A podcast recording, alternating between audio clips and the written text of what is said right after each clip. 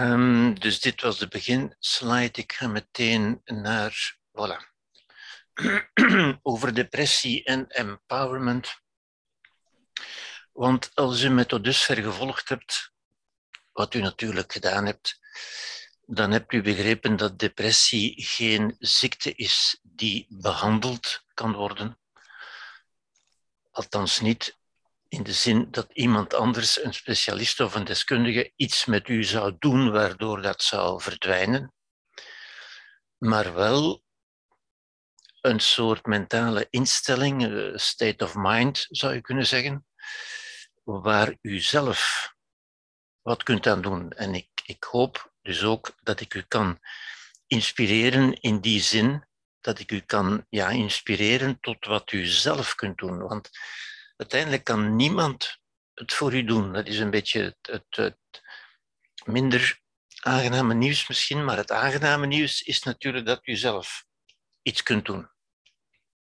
En om te beginnen wil ik toch iets zeggen over wat lijden eigenlijk is. Want uh, depressie is natuurlijk een lijden. Het is een toestand van lijden. Om wat ik vorige keer ook heb gezegd. Ja.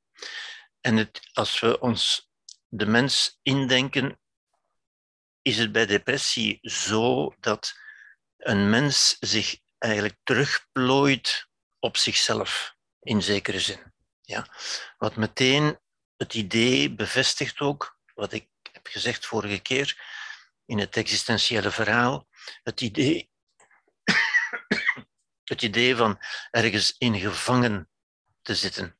En mensen met een depressie, mensen met lijden in het algemeen, maar mensen met een depressie in, in het bijzonder, ik zou moeten zeggen mensen met een depressief gedrag natuurlijk, want een depressie is niet iets wat, wat er is. Maar goed, eh, ik ben ook een beetje beïnvloed door, door het sociale taalgebruik natuurlijk. Men, men zegt het nu eenmaal zo, maar zijn eigenlijk mensen met een depressief gedrag. En het depressieve gedrag is eigenlijk een beetje juist dat teruggeplooid zijn op zichzelf. Ja. Um, dat uit zich ook, dat kan men ook horen, u kunt dat ook vaststellen bij mensen die spreken over zichzelf, die, die verslag doen over wat ze meemaken. En er is één woordje dat, dat alom tegenwoordig is, dat, waar het, dat in elke zin voorkomt bij dat, dergelijke mensen. En als u ernaar luistert, dan zult u dat ook horen natuurlijk. En dat is natuurlijk het woordje ik. Ja. Ik, het gaat altijd over ik, ik, ik. Ja. Als, als symptoom, zou je kunnen zeggen, als, als uiting van, van dat teruggeplooid zijn. Het gaat altijd over henzelf. Ja? En na die ik kan natuurlijk gelijk wat komen. Hè. Ik ben gekwetst, ik ben slachtoffer omdat. Hè. Een hele uitleg over wat er in het verleden gebeurd is. Ik ben kwaad omdat, ik kan niet aanvaarden dat enzovoort. Of ik leid omdat, maar het is altijd ik. Ik is het centrale begrip, het centrale aandachtspunt, ja, wat juist de uiting is van dat teruggeplooid zijn op zichzelf. Ja? Um, het, het, is een vorm van slachtofferdenken natuurlijk, hè, en zoals alle slachtofferdenken voedt dat zichzelf steeds opnieuw met zelfgegenereerde negativiteit. En dat is een andere manier om die om wat ik hier heb voorgesteld, dat teruggeplooid zijn op zichzelf in feite. Ja? En dan zijn we meteen bij het, wat ik als het centrale concept van uh, depressie heb voorgesteld, namelijk het idee van gevangen zijn, ergens in vastzitten, zoals mensen dat ook zeggen. Ja.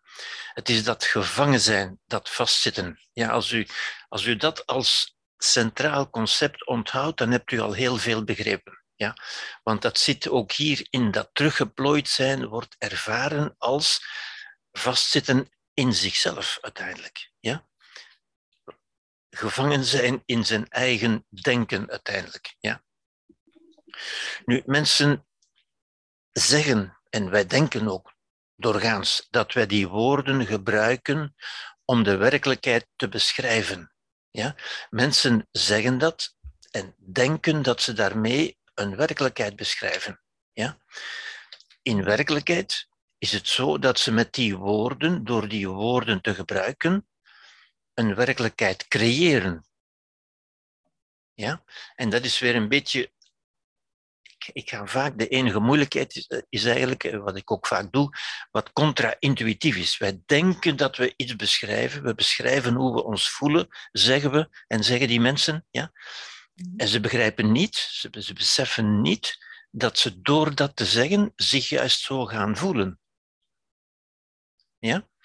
Ook dat is een centraal idee dat, dat nog terug zal komen in deze lezing, want daar gaat het natuurlijk over. Ik zeg vaak tegen mensen dat wat we in onze mond stoppen, en dat, dat geloven mensen makkelijk, dat kennen ze ook goed natuurlijk, wat we in onze mond stoppen, wat we eten, met andere woorden, wordt ons toekomstige lichaam. En omdat mensen bezorgd zijn over hun lichaam, letten ze vaak ook op wat ze in hun mond stoppen, wat ze eten, met andere woorden. Ja. Wel nu, we zouden dezelfde zorg moeten besteden aan wat we in onze geest stoppen. Want wat we in onze geest stoppen, dat wordt ons toekomstige zelf. Ja? Net zoals we ons lichaam opbouwen door wat we dag na dag eten, ja, dat doet ieder van ons, en we daar zorgvuldig over zijn, zouden we ook moeten zorgvuldig zijn in wat we opbouwen van onze geest. Ik zal straks uh, nader zeggen wat ik met geest eigenlijk bedoel, want ook dat zijn moeilijke concepten natuurlijk. Hè. Maar dus het is belangrijk van te zien, we zijn meteen in de, in de actieve modus. Het is iets wat wij doen. Het is geen ziekte die ons treft, het is iets wat wij doen. Ja? Men kunt ook zeggen, uh, wat onze geest betreft, we zijn vrij om te geloven wat we willen, net zoals we vrij zijn om te eten wat we willen, maar we zijn niet vrij van de gevolgen van wat we geloven. Zoals we niet vrij zijn van de gevolgen van wat we eten. Ja? Dus er is een vrijheid en er is geen vrijheid. We zijn vrij in wat we eten of wat we geloven, waarmee we onze mind, onze geest voeden, met andere woorden, maar we zijn niet, niet vrij van de gevolgen daarvan voor onze geest. Ja. Of om een ander beeld te gebruiken, ja, als je een huis bouwt, is elke steen belangrijk. Elke steen is eigenlijk belangrijk. Ja? Elke steen draagt iets bij aan het huis.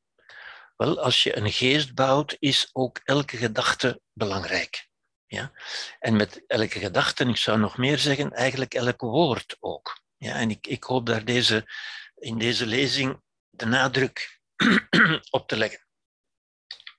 Goed, uh, dat leidt tot dit soort beelden natuurlijk. U kent die beelden. En ik toon die beelden ook even omdat dat zo illustreert dat teruggetrokken zijn op zichzelf. Ja? Mensen trekken zich terug in zichzelf, letterlijk bijna. Ja? U, kent die beelden natuurlijk, dat zijn beelden van, van... U ziet, dat zijn mensen die zich depressief gedragen. En die hebben allemaal eenzelfde houding, in feite. Teruggetrokken op zichzelf, gevangen, zoals in dit plaatje staat, ja? eigenlijk gevangen in zichzelf, in hun eigen gedachtenwereld. Ja? Um, contractie gecontraheerd. Gecontracteerd wil zeggen, wil zeggen samengetrokken, hè, op zichzelf geconcentreerd, ja, in een beschermende foetushouding. En dat is ook, ook interessant om te merken natuurlijk. Hè. Een mens neemt spontaan terug die foetushouding aan, eigenlijk, ja, om zich te beschermen, om zich terug te trekken in een vorige staat van zijn, die natuurlijk niet meer te, te recupereren is. Hè. Dat, dat werkt natuurlijk niet, hè, maar dit zijn intuïtieve, automatische reacties in feite. Ja? De ergste gevangenis om mij te ontsnappen is de gevangenis van je eigen geest.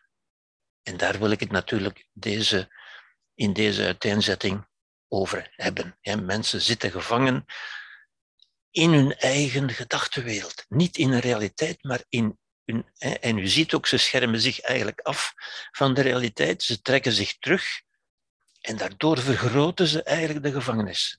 Ja, dat, dat intuïtieve gebaar vergroot eigenlijk het probleem, zou je kunnen zeggen. Ja? Fysieke pijn, iets over psychische pijn. Um, In tegenstelling tot fysieke pijn. Fysieke pijn is gemakkelijk natuurlijk. Hè? Dat is een fysiologisch gebeuren in het lichaam. Iets wat men dus ook objectief kan vaststellen, wat een arts kan vaststellen, wat men in het laboratorium kan vaststellen, ja, wat duidelijk waar te nemen is, als gevolg van een duidelijk waarneembaar proces. Psychisch lijden daarentegen is een gebeuren in de psyche, in de geest.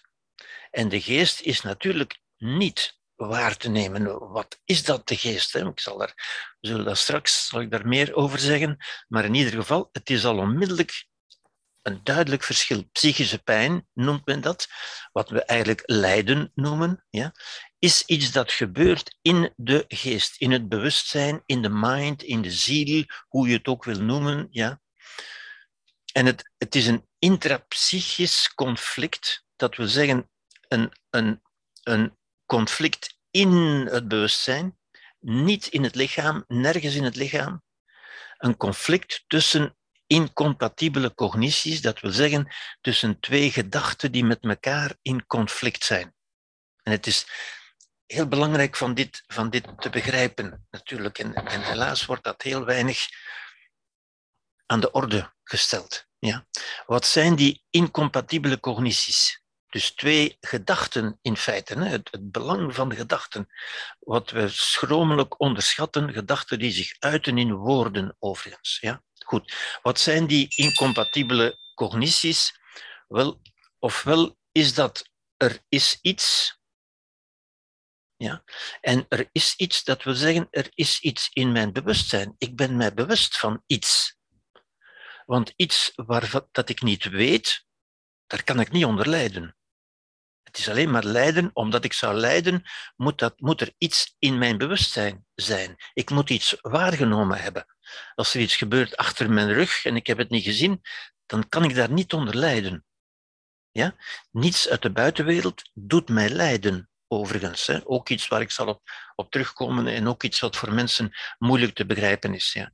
Er is iets in mijn bewustzijn, wil dat zeggen, in mijn geest, in mijn psyche, dat moeilijke concept van wat het is. Er is iets wat ik tegelijk niet wil. En dat is de tweede gedachte. Dus de eerste gedachte is de, de waarneming, er is iets, ik stel iets vast. En de tweede gedachte is, ik wil dat niet. Ik wil dat niet, dat wordt dan vaak gezegd van, ik kan dat niet aanvaarden, bijvoorbeeld. Ja? Wel, als u die twee gedachten, die twee gedachten zijn in conflict met elkaar. Die kunnen niet samen leven, die kunnen niet samen bestaan. Ja? Er is iets dat u niet wil. En u ziet, u, u, u wil het niet, maar het is er toch. U krijgt het niet weg, gewild, zou ik zeggen. En dus dat conflict blijft bestaan. Wel nu, dat conflict wordt ervaren als lijden. Dat is wat wij lijden noemen. Dat is de architectuur, de structuur van het lijden. Ja? Dat is één voorbeeld, ofwel de omgekeerde situatie, die, die er nou heel erg op lijkt natuurlijk. Dus er is iets dat ik niet wil, twee gedachten, ofwel de andere twee gedachten. Uh, dat wat ik niet wil, dat kan gaan over een kritiek, een scheiding, een, een ziekte, een overlijden. Ziet u, het lijden als gevolg van een kritiek, van een scheiding, van een ziekte, is altijd, er is iets dat ik wil, niet wil. Ik wil dat niet. Dat is het lijden. Niet de kritiek als dusdanig, niet de scheiding als dusdanig. Ja? Maar dat kan ook zijn, in ons geval nu, kan dat ook zijn wat ik niet wil, is juist die gevangenis, dat gevangen zitten. Dus ik wil het anders zijn, zoals mensen ook zeggen. Ja? Het gevangen zijn, het ergens inzitten. U denkt dat u ergens in zit en u wil dat niet. Het kan ook zijn de verveling, de zinloosheid. Ook dat wil ik niet.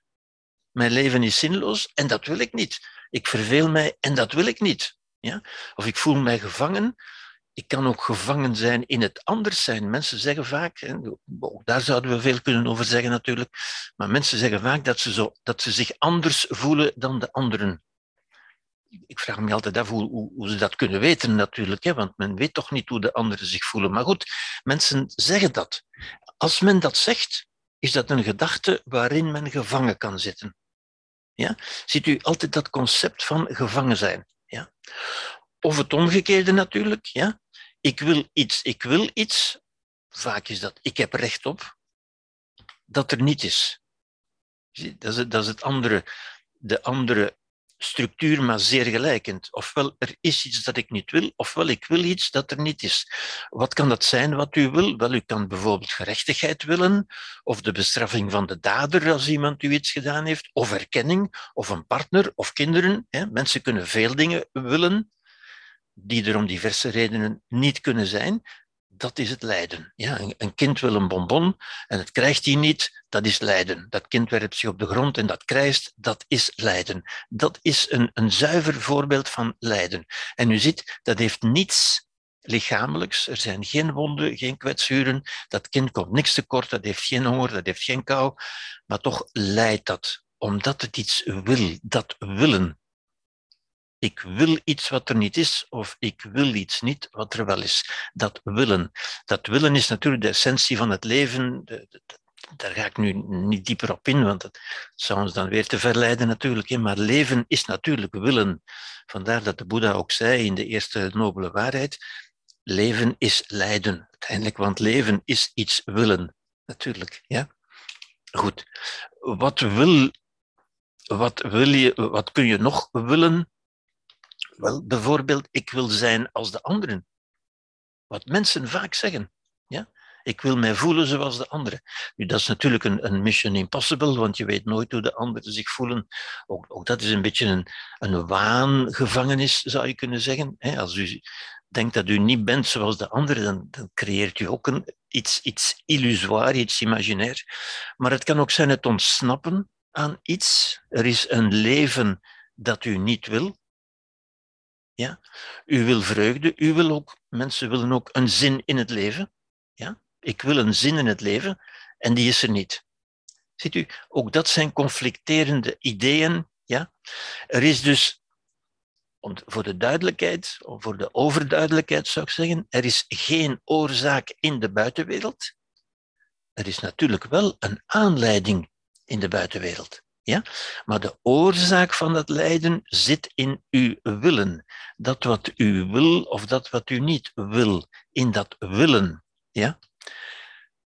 En zoals ik dat straks ook al zei, wat niet in uw bewustzijn is, kan geen oorzaak van lijden zijn. Ja. Met andere woorden, de buitenwereld kan geen oorzaak van lijden zijn. Alleen als zij binnen in uw bewustzijn komt, kan er iets gebeuren waardoor u lijden creëert. U ziet dus, lijden wordt door ons, door u, in het bewustzijn gecreëerd. Niet door iets in de buitenwereld. Ja? Het prototype van het lijden, ik heb het net gezegd, een kleuter die zich krijzend op de grond werpt omdat hij zijn bonbon niet krijgt. En dat is een zuiver voorbeeld van lijden en dat doet zich heel spontaan, heel intuïtief, heel natuurlijk voor. U moet dat kind dat niet voordoen. Dat zit zo ingeprogrammeerd. En dat toont ook aan dat die lijdensreactie iets is wat bij ons allemaal heel snel kan getriggerd worden. Het wordt getriggerd natuurlijk. Ja? Dat is wat ik hier noemde, de aanleiding dat is niet de oorzaak, maar wel de aanleiding, de trigger. De oorzaak is dat patroon in ons, wat ik vorige keer ook getoond heb, wat ik de motor van de depressie heb genoemd en, en van het lijden natuurlijk. Hè. Dat komt eigenlijk hier terug. Ja.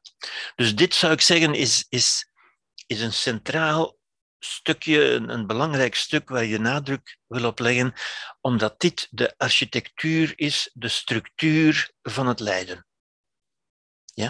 Zolang u denkt dat u lijdt om iets in de buitenwereld, bent u verloren, want aan de buitenwereld kunt u niks veranderen. Zodra u begrijpt, zoals de Boeddha ons helpt te begrijpen, dat het lijden ontstaat in de binnenwereld, in uw bewustzijn, in de psyche, ja, dan kunnen we er iets aan doen. Want dat ligt in ons domein, in ons domein van bevoegdheid. In de buitenwereld hebben we weinig uh, macht, weinig bevoegdheid, maar in onze binnenwereld wel. Dus daar gaan we het nu hier ook over hebben, in het kader dan van depressie, zou je kunnen zeggen. Ja? Goed, lijden is dus incompatibele bewustzijnsinhouden. Ja? Het is een, een, een schurende, een strijdige informatie. Ja, bewustzijnsinhouden, gedachten, dat is informatie, dat is louter informatie. Dat bestaat niet uit materie of niet uit energie, maar uit informatie. We zijn hier in een informatieparadigma natuurlijk. Ja? En men noemt dat, met een beetje een duurder woord, maar toch eigenlijk een heel goed, een heel juist woord, cognitieve dissonantie. Dat wil zeggen, dissonantie, de, de, de wanklank, het niet in, in, in, in gelijk klinkend zijn, het niet samenklinken van gedachten. Cognitieve dissonantie, een, een belangrijk begrip. Ja. Het is een verzet, een conflict, een stress dus ook. Hè. Zodra we dat doen, ontstaat er in ons stress. Ja. Stress, zoals ik u gezegd heb, is het centrum van alle lijden, van alle vormen van lijden. Stress, onwelzijn in het bewustzijn.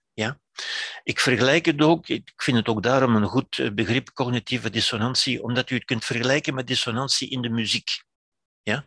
Als in de muziek iets dissonant klinkt, en dat is doorgaans omdat iemand vals zingt of iemand vals speelt, wel dan creëert dat een spanning, een onwelzijn. En dat onwelzijn is een spanning, dat, dat wringt, dat knarst. Ja? Totdat zich oplost in een welluidende consonant, een welluidende resonantie. Ja? Dat geeft dat, dat knarsen, dat schuren geeft in het emotionele brein, in onze emoties dus, ja, een soort alarmsignaal, waardoor, wat we ook al hebben gezegd, al die reacties kunnen ontstaan van angst en woede, onrust, spanning, stress enzovoort, ja, gaande tot fobische vermijdingsreacties ja, en vermijdingsstrategieën, die zijn verslaving, depressie, delinquentie, suïcide. Ja. En u kunt dus ook zoals ik vorige week ook heb gezegd, hè, zoals ook uit dat dierexperiment van Seligman blijkt, ja, depressie is uiteindelijk het opgeven. Ja. Beseffen dat men gevangen zit, er niks kan aan doen, of althans gelooft dat men er niks kan aan doen, en gaan liggen. Niks meer doen, zoals die dieren gingen liggen uiteindelijk. Ja. Er zijn dus geen wonden of kwetsuren, dat is, dat is psychobabble, zoals ik dat noem, dat is populaire psychologie. Je bent ook niet kwetsbaar, je bent niet gekwetst en toch leid je. Ja? Ik, ik hoop dat, u, dat het nu duidelijk is wat het lijden eigenlijk is. Er zijn geen wonden. De geest is een onstoffelijk iets, een immaterieel iets. Dat kan niet gewond of gekwetst worden. Daar kunnen zich wel spanningen in voordoen. Het is een spanning uiteindelijk. Ja? Goed. Als we ons afvragen waarom is een bevalling bijvoorbeeld, ja, ik geef nu heel in het kort een paar voorbeelden. Een bevalling is toch, dat is nu wel letterlijk een pijnlijke gebeurtenis, toch noemen mensen dat geen lijden of geen trauma. Waarom is dat? Wel, omdat men er een positief verhaal over vertelt. Omdat het in onze geest niet dat, daarvan zegt men niet, dat is iets wat ik niet wil. Ja? Men zegt integendeel, dat is iets goeds. Ja? Dat was een gelukkige gebeurtenis. Men omkleedt het met een positief verhaal. En bij gevolg is er geen cognitieve dissonantie. Men is het ermee eens. Men vindt dat goed dat men bevallen is. Ook alle andere mensen daaromheen, en die, die dragen ertoe bij natuurlijk, dat dat niet als een lijden wordt gezien, wel als een pijn, wel pijnlijk, maar geen lijden en geen trauma. Ja? En het, de zaak is, wij ervaren, onze ervaring is niet de realiteit, tenzij op het moment zelf natuurlijk, maar op alle momenten daarna, eens de, de feiten voorbij zijn, ervaren we alleen nog ons verhaal over de feiten. En dat is wat ik ons narratieve zelf noem. Het verhaal dat we in onszelf erover vertellen. Ja? En we vertellen niet van ik heb een trauma meegemaakt, maar we vertellen wel dat was een gelukkige dag in mijn leven en dat deed wel pijn, maar het was toch een gelukkige ervaring, een vervullende ervaring enzovoort. Ja? Goed. Wij leven uiteindelijk in die virtuele ruimte van ons bewustzijn. Ja? Als in een existentiële bubbel. Ja? Een, een afgesloten ruimte waarin wij waarin ons echte leven eigenlijk gebeurt. Wij leven niet met de realiteit, wij leven in een virtuele realiteit, dat we zeggen, in ons verhaal over de realiteit. Ja? Het narratieve zelf, de herinnering, het ik, wat we dus ook het ik noemen. Het ik is het verhaal dat we over onszelf vertellen, dat we aan onszelf vertellen, bevat geen feiten, maar een reconstructie, een verhaal, een informatie, een narratief met een subjectieve betekenis. Ja? En die betekenis die wij eraan hechten, bijvoorbeeld die bevalling, dat was een, dat was een fijne gebeurtenis, dat was goed. Ja? Dat heeft mij gevaloriseerd, dat heeft mij en zo, en zo verder. Dat is de betekenis. Dat is niet het feit. Het feit is nog goed, nog slecht, zou je kunnen zeggen. Het feit is neutraal, maar wat belangrijk is, is de betekenis die ik eraan hecht. Ik noem het geen trauma, ik noem het geen lijden, en bij gevolg is het dat ook niet. Ja? De feiten zijn voorbij, alleen de betekenis blijft. Buitengewoon belangrijk ook in verband met en traumaverwerking en zo verder, waar ik, waar ik nu niet verder op inga natuurlijk, want dat is niet het onderwerp nu. Maar dat is buitengewoon belangrijk om dit te begrijpen. Dit is hoe de mens functioneert. Dit zegt iets over ons in alle omstandigheden, zowel bij trauma als bij depressie uiteindelijk. Ja. Het narratieve zelf noem ik soms ook het Don Quixote-effect. Ja omdat we ons eigenlijk kunnen vertellen wat we willen. Ja? Het gaat om iets wat we onszelf, en mensen zeggen dat dan vaak op een negatieve manier, is het dan iets dat we onszelf wijsmaken? Ja, dat is iets dat we onszelf wijsmaken. En dit was natuurlijk het, het, het, het, het essentiële element in het verhaal van Don Quixote, van Don Quixote, ja? dat hij zichzelf dingen wijsmaakte. Maar wij zijn allemaal zo uiteindelijk. Ja? En dat zal in vervolg van deze avond ook wel duidelijker worden natuurlijk. Omgekeerd kunnen dingen die objectief veel minder pijnlijk zijn dan een bevalling, ja, toch een lijden veroorzaken. Ja. Bijvoorbeeld een belediging. Een belediging doet geen pijn. Een belediging is ook niets. Dat is geen kwetsuur, er wordt u niks. Uh, ja toch is er lijden. Ja? Een onaangename, een zogezegde kwetsende opmerking, maar opmerkingen kunnen niet kwetsen, want uw geest is, is onkwetsbaar, doodgewoon. Ja? Een ontslag, scheiding, ongeval, overlijden enzovoort, psychisch, fysiek of seksueel ongewenst gedrag, herinneringen onder hypnose enzovoort, kunnen subjectief gepaard gaan met lijden. We noemen dat lijden. Waarom? Omdat we er ons tegen verzetten. We creëren daar lijden bij. Op zich is dat geen lijden, ja, maar we creëren er lijden bij. Dat, dat, dat is belangrijk natuurlijk. Hè. En ook dat wordt bevestigd door de omgeving die zorgelijk kijkt, die mee getraumatiseerd is. Zeker als dat bij kinderen gebeurt en, en de ouders zijn getraumatiseerd, dan leren de ouders, dan hypnotiseren de ouders die kinderen om te zeggen, ja, dit was heel erg. Ja? Er worden verhalen verteld over wonden, kwetsuren, schade, trauma enzovoort. U kent al die sociale clichés natuurlijk. Men vraagt zich af of men schuld heeft, of het te voorkomen was enzovoort.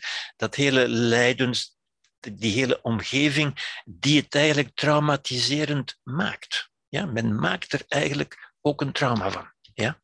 Goed, dus we leven eigenlijk een beetje volgens dit, dit plaatje, zou ik zeggen. Ja? Deze jonge dame met, met dat moderne technologische wonder van, van die virtuele bril. Maar de natuur heeft ons al lang, of de evolutie zou ik moeten zeggen, heeft ons al lang voorzien van zo'n bril. Wij leven eigenlijk altijd in een virtuele ruimte. Wij leven in ons narratieve zelf, dat wat we onszelf vertellen, uiteindelijk. Ja? De waarneming is ook, en dat sluit er natuurlijk volkomen bij aan, niemand lijdt permanent. Ook mensen die lijden, die zeggen te lijden, lijden toch niet permanent. Die kunnen best een, een aangenaam moment hebben, een fijne tijd, een vakantie bijvoorbeeld, en zich kostelijk amuseren. Wanneer lijden ze? Wel, het lijden is in het bewustzijn. Dat we zeggen, als ik er weer aan denk. En zie je, dat denken doet mij lijden. Dat eraan denken creëert het lijden. Want dan is er weer de cognitieve dissonantie natuurlijk. Ja? Is dat denken dan de oorzaak? Sommige mensen zeggen dan misschien denk ik te veel. Nee, het is hoe men eraan denkt. De, de manier waarop men eraan denkt. Namelijk op een manier die cognitieve dissonantie veroorzaakt. Ja? In geval van een ontmoeting, als, als je iemand tegenkomt of iemand die erop lijkt, daardoor kunt u eraan herinnerd worden, ja? of door een rechtszaak die voorkomt, uh, soms jaren na de feiten, en die dan, zoals men zegt, als herinneringen, als herinneringen opduiken bijvoorbeeld. Dat is totaal onvoorspelbaar. Maar bijvoorbeeld ook een rechtszaak uh, die, die jaren na de feiten gevoerd wordt en die de hele zaak zogezegd weer doet herleven. Men herleeft natuurlijk niet een trauma, maar men denkt er opnieuw aan. Ja? En men spreekt dan van wonden die opengereten worden. Ja? Nu, dat is, dat is zwaar emotionele taal die, die niet overeenstemt met de realiteit, want er zijn geen wonden. Er, zijn alleen, er is alleen het narratief, er is alleen dat, dat psychische gebeuren. Ja? Dat kan psychisch lijden veroorzaken, dat wel, maar er zijn geen wonden natuurlijk. Ja? Als het verzet, met andere woorden, geactiveerd wordt. En mensen kunnen jaren later, ik merk dat ook bij mezelf natuurlijk, ik kan jaren later nog altijd kwaad worden over iets wat jaren geleden gebeurd is. Wel, het is dat kwaad worden. De feiten zijn al lang voorbij, maar het verzet ertegen, dat is het lijden. U leidt niet onder het verleden, u leidt onder uw verzet tegen de herinnering aan het verleden. Ja? Vaak die onopgeloste waarom-vragen, ook bijvoorbeeld, waarop nooit een antwoord komt, waarvan men denkt dat ze het lijden zullen doen verdwijnen, maar dat is natuurlijk ook niet zo. Maar goed, daar ga ik het nu ook niet. Maar ook dat kan allemaal ervaren worden als een straf, zeggen mensen ook vaak. Hè? Het is mijn straf. Ik zag, ik zag onlangs nog in, in de, een van de, de um, video's, een van de films van Hilde van Michem, van, als je eens wist, wel die, een jonge dame die zei, wel, ik ben levenslang gestraft, zei ze. Is zij gestraft? Nee, natuurlijk niet. Hè. Ze heeft iets meegemaakt, dat wel. Maar is zij gestraft? Nee. Maar ziet u, als men er zo over denkt, dan zit men weer in een gevangenis. Ja? Het concept van gevangen zitten vastzitten, zeggen de mensen soms ook. Geblokkeerd zijn, zeggen ze soms ook. Dat, dat is niet zo. Men is niet gestraft, niet, niet maar men voelt zich omdat men er geen uitweg aan ziet. Het is alsof men in een gevangenis zat. En ziet u, de ergste gevangenis is, wat ik daar straks zei, de eigen gedachtenwereld natuurlijk. Hè? Um, enkele psychopathologische theorieën, dat zijn de theorieën die verklaren wat er gebeurt, zogezegd. En de psychopathologische theorieën, dat zijn een beetje de oudere modellen, de psychodynamische modellen. Zeg maar het denken rond de figuur van Freud, bijvoorbeeld. Ja. En die zeggen dat verstoringen, die men dan trauma's vaak noemt, ja? En trauma's kunnen zijn prenataal, geboorte, nataal, seksueel, fysiek, affectief. Veel dingen kunnen traumatisch zijn of als traumatisch ervaren worden. Ja? En wat gebeurt er met die trauma's? Wel, zegt de theorie, hè? dat model, die theorie, zegt die zijn oorzaak van beschadiging, van wonden, van krenkingen, van kwetsuren, ja? Die opgeslagen worden in het lichaam ja? Ook zo'n merkwaardig idee uiteindelijk. Ja? Die als onbewuste emotionele krachten werkzaam kunnen blijven, die tijd nodig hebben en littekens kunnen nalaten en zelfs weer opengereten kunnen worden. Dus u ziet al die lichamelijke woorden, die lichamelijke metaforen, om het te hebben over iets wat eigenlijk louter psychisch is. Ja? En die oorzaak kunnen zijn van probleemgedrag dat zijn de oudere theorieën. Dat is natuurlijk niet, ik, ik, geef die hier omdat die zo bekend is, zo tot ons denken is gaan behoren. Ik ben zeker dat iedereen van u dat herkent, dat opgeslagen zijn in het lichaam en zo verder. Ja. Wat nooit aangetoond is, ja, wat nooit geverifieerd is uiteindelijk, maar wat mensen toch kunnen blijven geloven. Ja. Daarnaast zijn er natuurlijk andere theorieën, ja, die ik hier wel wil verdedigen, de meer moderne theorieën, ja, die meer uitgaan van inderdaad de geest, de, de mind, als een informatiesysteem, niet als een opslagplaats. Ja. Dat zijn de cognitieve modellen die zeggen dat verstoringen, en verstoringen zijn er altijd in ons leven natuurlijk, hè, dingen die gebeuren die we niet willen, of dingen die we niet willen en die toch gebeuren, verstoringen dus, leiden tot bepaalde denkpatronen, tot bepaalde conclusies, tot bepaalde overtuigingen, tot bepaalde voorstellingen. Ziet u, tot, tot gedachten, tot cognitieve entiteiten, maar dat, zijn louter, dat is louter informatie. Ja, dat zijn geen reële wonden of kwetsen of schade, dat zit niet in het lichaam, het zit louter in de mind. Onze overtuigingen. Onze overtuigingen zijn louter informatie. Geen materie, geen energie, informatie ja, als een onbewuste cognitieve kaart. Een cognitieve kaart wil zeggen het, het landschap, de, de wegenkaart die wij in ons hoofd meedragen, meenemen, ja, die ook louter informatief is. Ja? Of als een moedertaal. Het idee van een moedertaal vind ik ook heel belangrijk natuurlijk. Ja? Want een moedertaal is iets wat we met de paplepel ingelepeld krijgen, hè, wat zich in ons, in ons brein nestelt, in, onze, in, ons, in ons bewustzijn uiteindelijk, ja? en wat, we nooit, wat nooit meer verdwijnt? Die nooit weggaat. Hier staat het, ja? onze moedertaal die verdwijnt nooit. Je moet niet wachten of niet hopen of niet bidden dat die zal verdwijnen, die zal niet verdwijnen. Ja? Zoals ook uw verleden nooit zal verdwijnen. Ja? maar ze bestaat alleen maar als louter informatie. Ja? Niet als materie, niet als energie, maar als louter informatie. En die bewust vervangen kan worden. Vervangen is misschien niet het juiste woord hier, want je kunt je moedertaal niet vervangen, maar u kunt wel een andere taal bijleren. En u kunt wel besluiten van ik ga voortaan een andere taal spreken. En dat, kunnen we, dat is de grote kracht, de grote macht, de grote opportuniteit van onze mind. Omdat onze mind juist niet stoffelijk is, niet materieel, omdat het louter informatie is. En we kunnen die architectuur wijzigen ja? door het aanleren van een nieuwe taal. Ieder van u kan een nieuwe taal leren. Ja? Dat is gewoon een menselijk vermogen. Dieren kunnen dat niet, een mens kan dat wel. Een van de grote mogelijkheden, de grote krachten zou je kunnen zeggen, van de mens. Ja? Goed, waarom is er bijvoorbeeld lijden bij de dood van een eigen kind en niet bij de dood van andere kinderen? Dat is toch een merkwaardige vraag, een interessante vraag. Als de dood van een kind je zou kunnen doen lijden, waarom veroorzaakt de dood van zoveel andere kinderen dan geen lijden? Ja, dat ligt toch niet aan dat kind?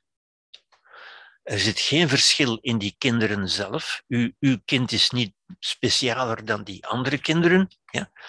Het is wel een verschil in de voorstelling. U stelt het zich voor als mijn kind. En in dat woordje mijn zit natuurlijk het bezit.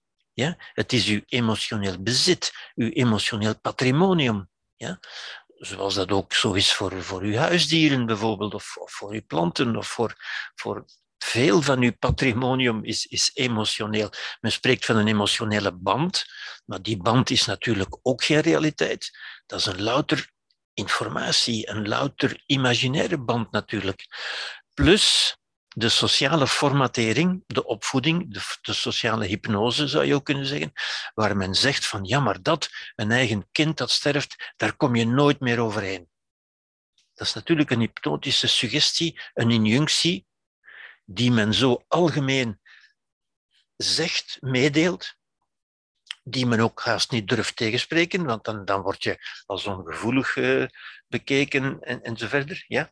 Terwijl mensen vroeger daar heel makkelijk, of, toch veel gemakkelijker dan nu, overheen kwamen. Ja? Maar nu wordt dus gezegd van ja, dat is iets waar je nooit meer overheen komt. Ja? Mensen kunnen zich ook identificeren met de slachtofferrol. Dat wil zeggen, met een slachtofferverhaal. Mensen identificeren zich en dat wil zeggen, hun identiteit wordt hun verhaal, hun rol. Ja? Je bent wie je vertelt. dat je bent. Ja?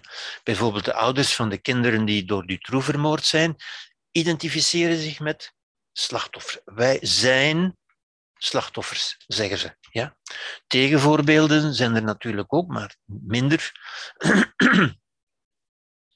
El Bashiri bijvoorbeeld, ik weet niet of men hem nog kent, hij was een van de mensen die zijn, waarvan de vrouwen uh, overleden is in de, aanslagen in, de, in Brussel in uh, eh, 16, geloof ik, 2016.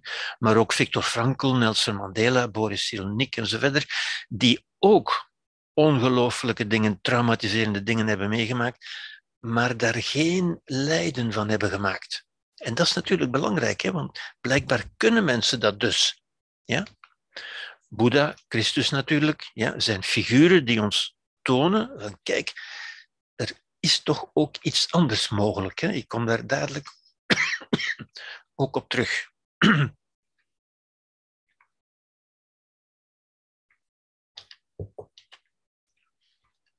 Het einde van alle lijden, als u begrepen hebt wat lijden eigenlijk is, dan kan ik eigenlijk op een, op een heel eenvoudige manier, volgens sommigen een te eenvoudige en volgens nog anderen een onmogelijke manier natuurlijk, maar op een heel eenvoudige manier, als u het begrepen hebt, ja, kunt u zeggen dat u eigenlijk op een heel eenvoudige manier een einde kunt maken aan psychisch lijden. Niet aan lichamelijke pijn, maar wel aan psychisch lijden. Namelijk door vrede te maken. Ja. Aan elk conflict, elke oorlog, en, en weten het nu natuurlijk. Ja. Hoe beëindig je een oorlog? Door vrede te maken. Ja? Hoe beëindig je een oorlog in jezelf, dat conflict, dat schuren van, van cognities? Wel, door vrede te maken in jezelf. Ja? En dan zeggen mensen, ja, dat is makkelijk gezegd, maar hoe doe ik dat? Ja? En dan zijn mensen op, op zoek naar vrede, of ze hopen dat ze in vrede zullen zijn. Ja? En u moet dat niet naar zoeken, u moet daar niet naar op hopen of voor bidden. Je moet dat creëren. En dat is de grote kracht van de mens. Dat is de, de power, vandaar ook de empowerment. Ja? Dat is ook het einde van alle lijden en dus ook het, eigenlijk het einde van het lijden van, van depressief gedrag, zou je kunnen zeggen. Ja? Als u die structuur begrijpt, dan kunt u ook begrijpen, als u dit ook begrijpt, u hebt die macht, doodgewoon. Ja? U hebt ze misschien niet gebruikt omdat u niet wist dat u ze had. Dat, dat zou best kunnen. Ja? En men zegt ons niet genoeg dat we die hebben, natuurlijk. Ja? Maar ik, het is zo, het is een feit. En dat feit kunnen we leren van de mensen die ik daarnet heb genoemd, de mensen die ons dat getoond en geleerd hebben. Ja? Te beginnen bij de Boeddha, maar ook bij Viktor Frankl en bij zoveel anderen, die geleerd hebben. Ik kan vrede creëren. Hoe creëer je vrede? Wel, u, u kunt dat, ieder van u kan dat nu, hier doen. Ja? Door te zeggen, door gewoon die woorden uit te spreken. Ik ben in vrede. Ja? En dan zien we ook weer, of wat u daarbij moet begrijpen, is dat u daarmee geen interne toestand beschrijft. U beschrijft niet dat u in vrede bent. Door die woorden uit te spreken, creëert u vrede. Dat creatieve aspect van de mens, dat is ook de power de empowerment. U hebt die power. Ja? En ziet u, dat kan geen enkele therapeut voor u doen, geen enkele methode. Ja?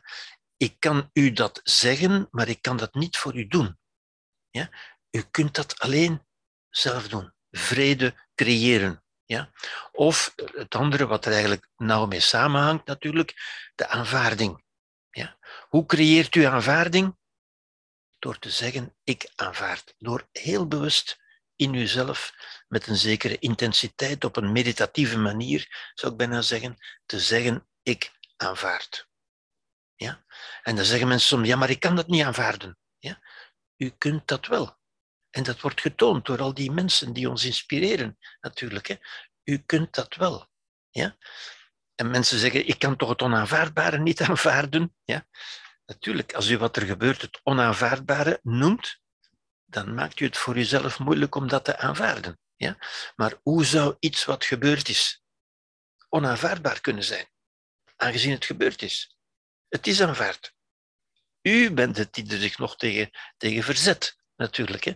En dat verzet, als u dat inziet, als u daar de, ja, het absurde en het, het overbodige, het nutteloze van inziet, ja, kunt u dat verzet staken. Ja? En u kunt zeggen, ik aanvaard. Dat is natuurlijk een van de dingen die men leert of die men kan leren, die, die in, in wat ik hier toon, een soort meditatieve houding, maar het, het is zeker niet nodig van op een kussentje of, met, of in lotushouding te gaan zitten. Ja. Het volstaat dat u met een zekere intensiteit in uzelf zegt, op een meditatieve manier. En dat kunt u ook doen terwijl u met andere mensen bent, of terwijl u op straat loopt of in uw auto zit. Als u zegt, ik ben in vrede. Ik aanvaard. Ik aanvaard wat er in mijn leven gebeurd is. Ja. U creëert aanvaarding door die woorden uit te spreken. Ja. Goed, ik kom, ik kom daar later nog op terug. Maar dit is natuurlijk de essentie van, van empowerment.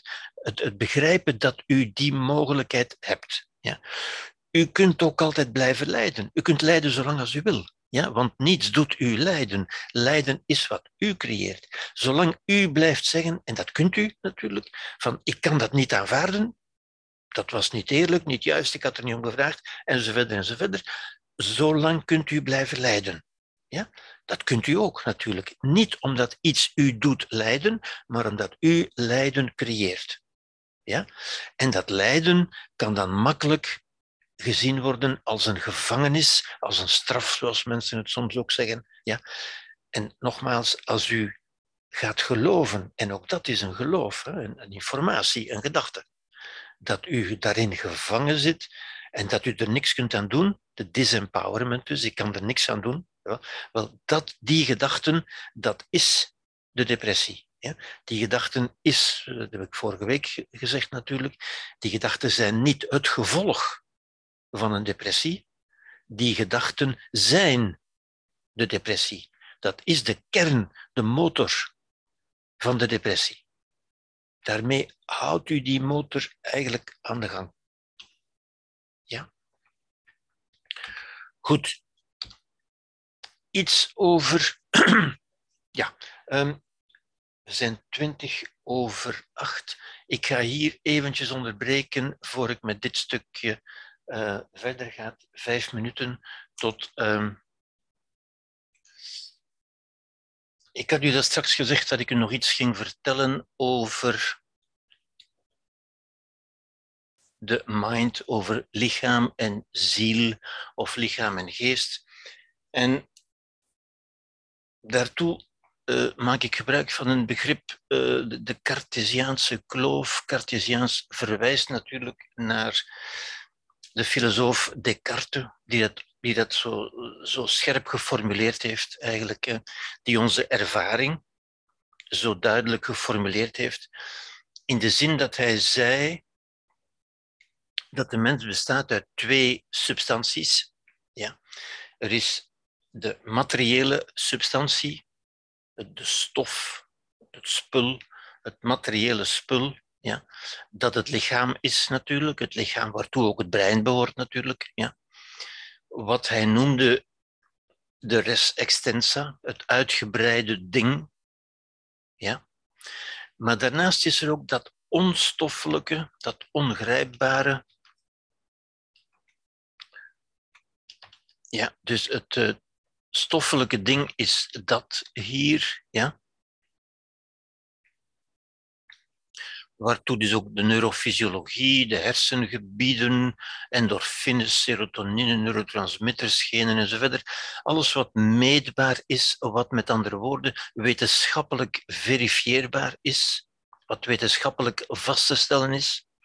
Maar dat zijn allemaal dingen die eigenlijk niet bestaan in onze beleving. Wij beleven geen serotonine of dopamine. We weten dat uit de wetenschap, maar niet uit onze beleving. Ja? En dus er zijn over de mens eigenlijk twee verhalen te vertellen. Er is het wetenschappelijke verhaal, dat gaat over de materiële stof, het stoffelijke iets, het lichaam, zeg maar. Ja? En daarnaast is er dat tweede vlak, zou je kunnen zeggen, dat tweede verhaal, dat niet gaat over deze wetenschappelijke vast te stellen realiteiten, maar over de subjectief existentiële realiteit, over onze beleving, onze ervaring. En dat is een verhaal dat gaat over, over taal, om te beginnen, woorden. Woorden zijn niet wetenschappelijk vast te stellen. Ja. Betekenissen. Een betekenis is bijvoorbeeld iets wat gebeurt, een trauma, noemen, of iets wat gebeurt, dezelfde iets wat gebeurt, een gelukkige gebeurtenis noemen. Ja? Het een verlies noemen, het een belediging noemen enzovoort. Dat zijn betekenissen die men niet wetenschappelijk kan vaststellen, maar die wel belangrijk zijn voor onze ervaring. Het is dus onze ervaringswereld, ja? zoals ook verlies bijvoorbeeld, liefde, ja? Maar ook sympathie, vriendschap, kunst. Kunst is bijvoorbeeld ook geen wetenschappelijk begrip. Ja? Ontroering, ervaring, enthousiasme, allemaal betekenissen. Ja?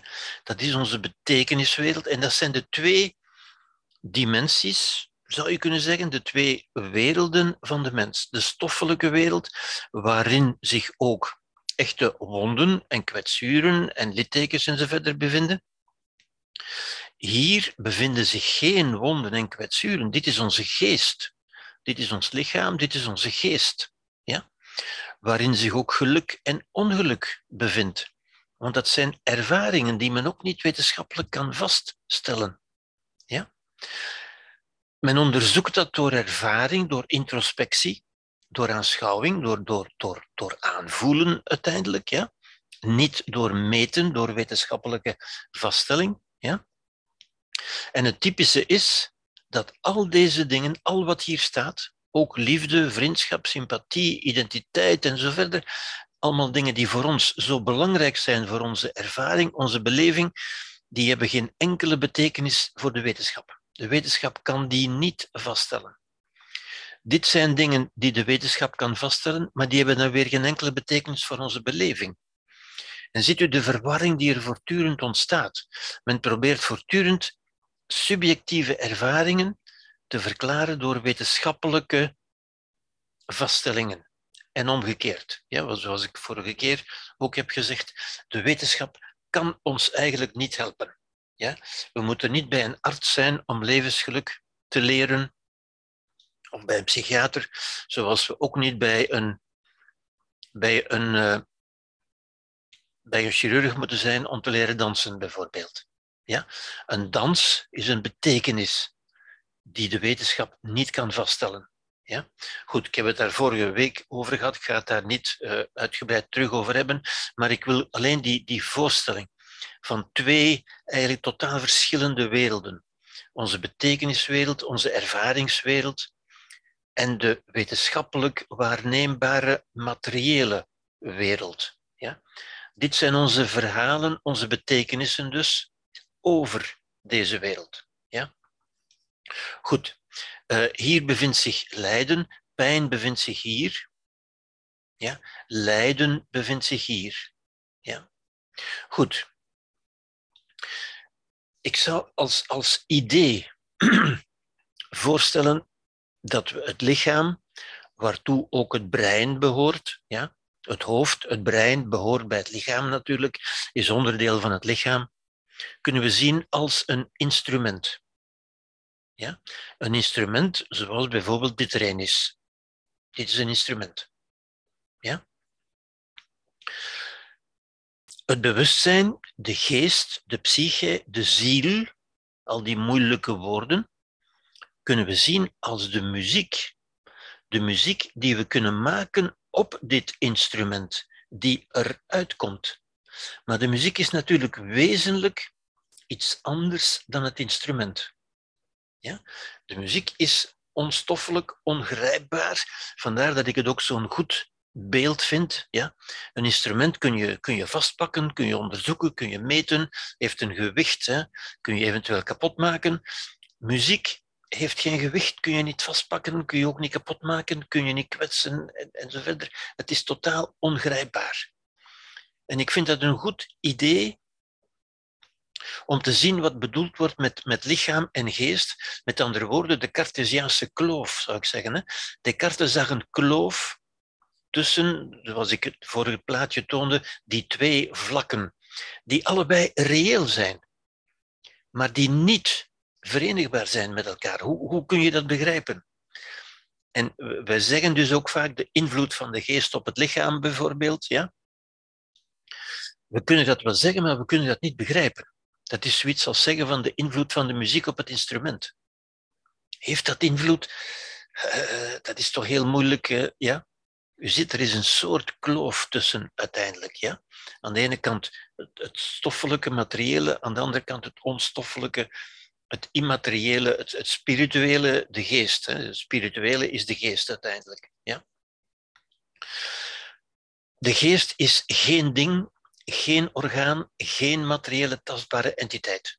De wetenschap vindt ook geen geest. Als u met uw lichaam naar de dokter gaat of naar een MRI-scan of, of naar een PET-scan of wat dan ook, men vindt geen geest. Men vindt wel een brein, men vindt een instrument, maar men vindt geen geest, men vindt geen muziek. Men kan niet in een PET-scan of in een MRI-scan zien waaraan u denkt of van welke muziek u houdt. Ja? Het is geen stoffelijk iets dat gekwetst zou kunnen worden. Ik heb het al gezegd. Dat, dat is een foutief beeld. Dat is, het lichaam kan gekwetst worden, een instrument kan beschadigd worden, maar de muziek, hoe, zou u die kunnen beschadigen? Dat, dat, kan niet. U kunt die niet vastpakken. Ja? Die heeft geen, geen stoffelijke uh, realiteit. Ja? Het is op elk ogenblik, het bewustzijn is op elk ogenblik de activiteit van het brein. Zoals de muziek op elk ogenblik, muziek is ook een momentaan gebeuren, net zoals het bewustzijn momentaan is, alleen op dit moment, nu, de muziek die ik nu maak met dat instrument. Die muziek die blijft ook nergens, die wordt niet opgeslagen. Uh, ja?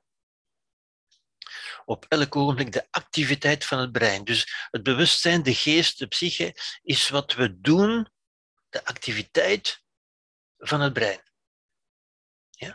Waarmee we ons bewust of onbewust, we kunnen dat weten of niet weten, ja? vrolijk of gedeprimeerd kunnen stemmen. We kunnen een muziek maken waar we zelf vrolijk van worden, of een muziek waar we zelf somber van worden. Ja? En die kan resoneren met andere lichamen en zielen. Ja? De muziek die wij maken kan resoneren met andere mensen bijvoorbeeld. Andere mensen kunnen die horen en daarmee meeklinken en erdoor ontroerd worden, eventueel, of ze afschuwelijk vinden, eventueel. Ja? De meest concrete activiteit die we met ons instrument kunnen maken, is de taal, zijn de woorden die wij spreken. Op dit ogenblik creëer ik dus de woorden die ik spreek en die komen bij u, in uw ziel, in uw bewustzijn en doen daar iets. Ja? U kunt u daar niet buiten houden. Ja?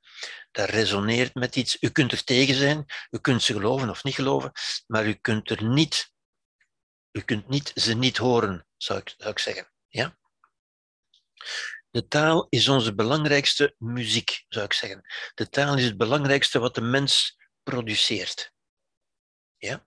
De existentiële muziek van de mens, de levensmuziek van de mens, wordt vaak, meestal eigenlijk, in taal uitgedrukt. De ziel van de mens, de geest van de mens, drukt zich uit in taal. Ja? Taal in de meest algemene betekenis natuurlijk. Goed, de kennis over het instrument, de kennis van het instrument, zegt niets over de muziek. Ja? We kunnen wetenschappelijk die viool onderzoeken, uit elkaar nemen, weer in elkaar steken en, en zo verder. Maar daarmee zeggen we niets, begrijpen we absoluut niet de muziek. Ja? Die wetenschap, kennis van het instrument is de wetenschap. Zoals de wetenschap van het lichaam, zeg maar de geneeskunde, maar ook de psychiatrie bijvoorbeeld, ja? de biologie, hersen, de, de, de neurotransmitters, de hersenen enzovoort, zegt niets over de muziek die we met dat instrument kunnen maken. Met andere woorden, over de geest die we kunnen produceren met dat instrument. Een instrument zelf, zoals ons lichaam, bestaat uit snaren en een klankkast enzovoort, is onderworpen aan de wetten van de fysica en heeft geen vrijheid. Ja? Maar met dat instrument kunnen eindeloos veel melodieën worden gespeeld.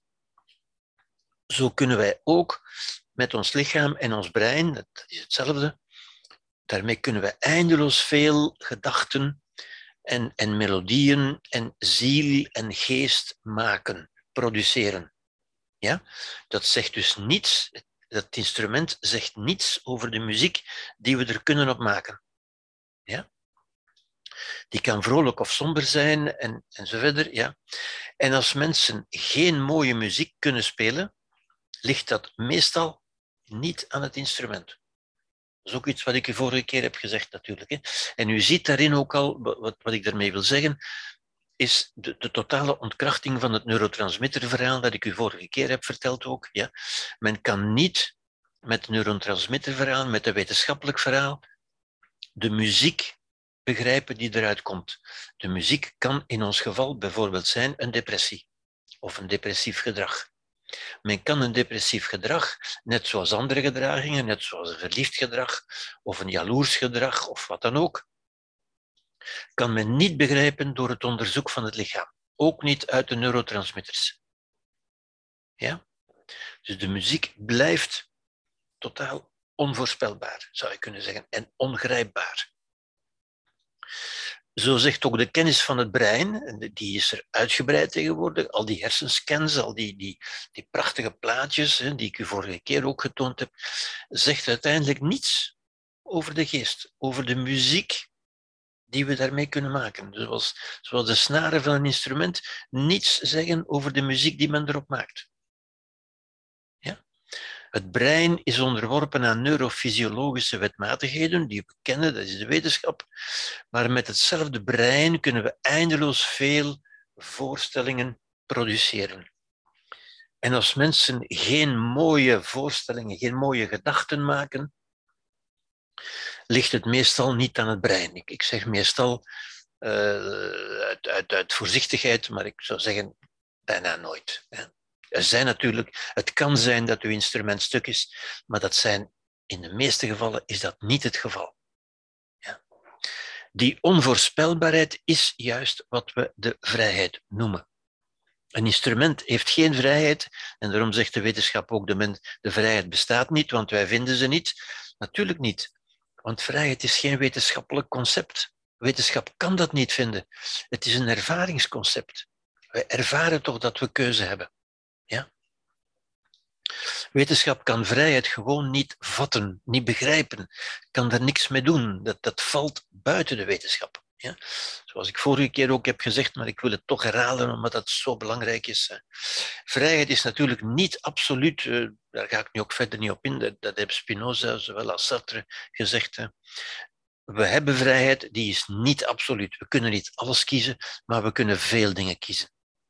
De keerzijde van vrijheid natuurlijk is verantwoordelijkheid. Dat is wat mensen veel minder leuk vinden.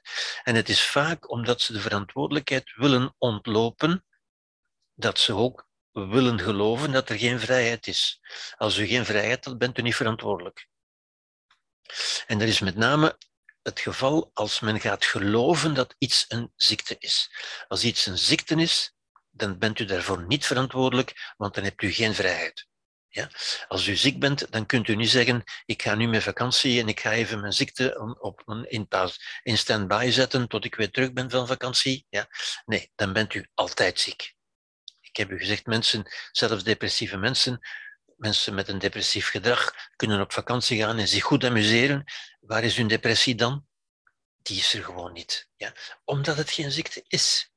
Het is een state of mind die men terugneemt Zoals ik heb gezegd, als men eraan herinnerd wordt, of als er een proces komt, als ik er weer aan denk, dan ga ik weer lijden. Dat toont duidelijk aan dat het lijden in het bewustzijn is, in de geest. Ja. Goed. Spreken tegen een steen heeft natuurlijk geen effect. Tegen een steen mag u zeggen wat u wil, dat heeft geen enkel effect natuurlijk. Spreken tegen een dier heeft een beperkt effect. U kunt tegen uw dier je kunt boos spreken of je kunt vriendelijk spreken en het dier merkt dat. En dat heeft een beperkt effect. Ja? Niet heel veel, maar toch. Een dier heeft een bepaalde vrijheid. Maar spreken tegen een mens heeft een ingrijpend effect.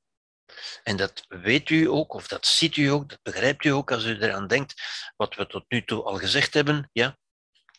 Als u een compliment geeft of een belediging, als u een compliment geeft, creëert u onmiddellijk een vrolijk mens, een blij mens. Als u een belediging geeft, creëert u onmiddellijk een kwaad mens. Dus u hebt een grote macht over die mens door hem een compliment of een belediging te geven. Ja?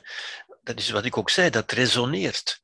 Ja? En die mens kan beweren dat hij geen, geen vrijheid had natuurlijk, want u hebt hem beledigd.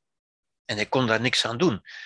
Dat is natuurlijk niet helemaal waar, hè? we zullen dat nog zien natuurlijk. Maar hier wil ik er de nadruk op leggen dat wij al een grote macht hebben over andere mensen en andere mensen eventueel over ons, als we die macht laten, ja? Uh, door hem een compliment of een belediging te geven. Ja? De eenvoudigste manier om te zien hoeveel macht u over andere mensen wel hebt, uiteindelijk. De hele Arabische wereld was beledigd door de cartoons eh, van, van eh, Charlie Hebdo. Ja? Een ongelooflijke macht. Ja?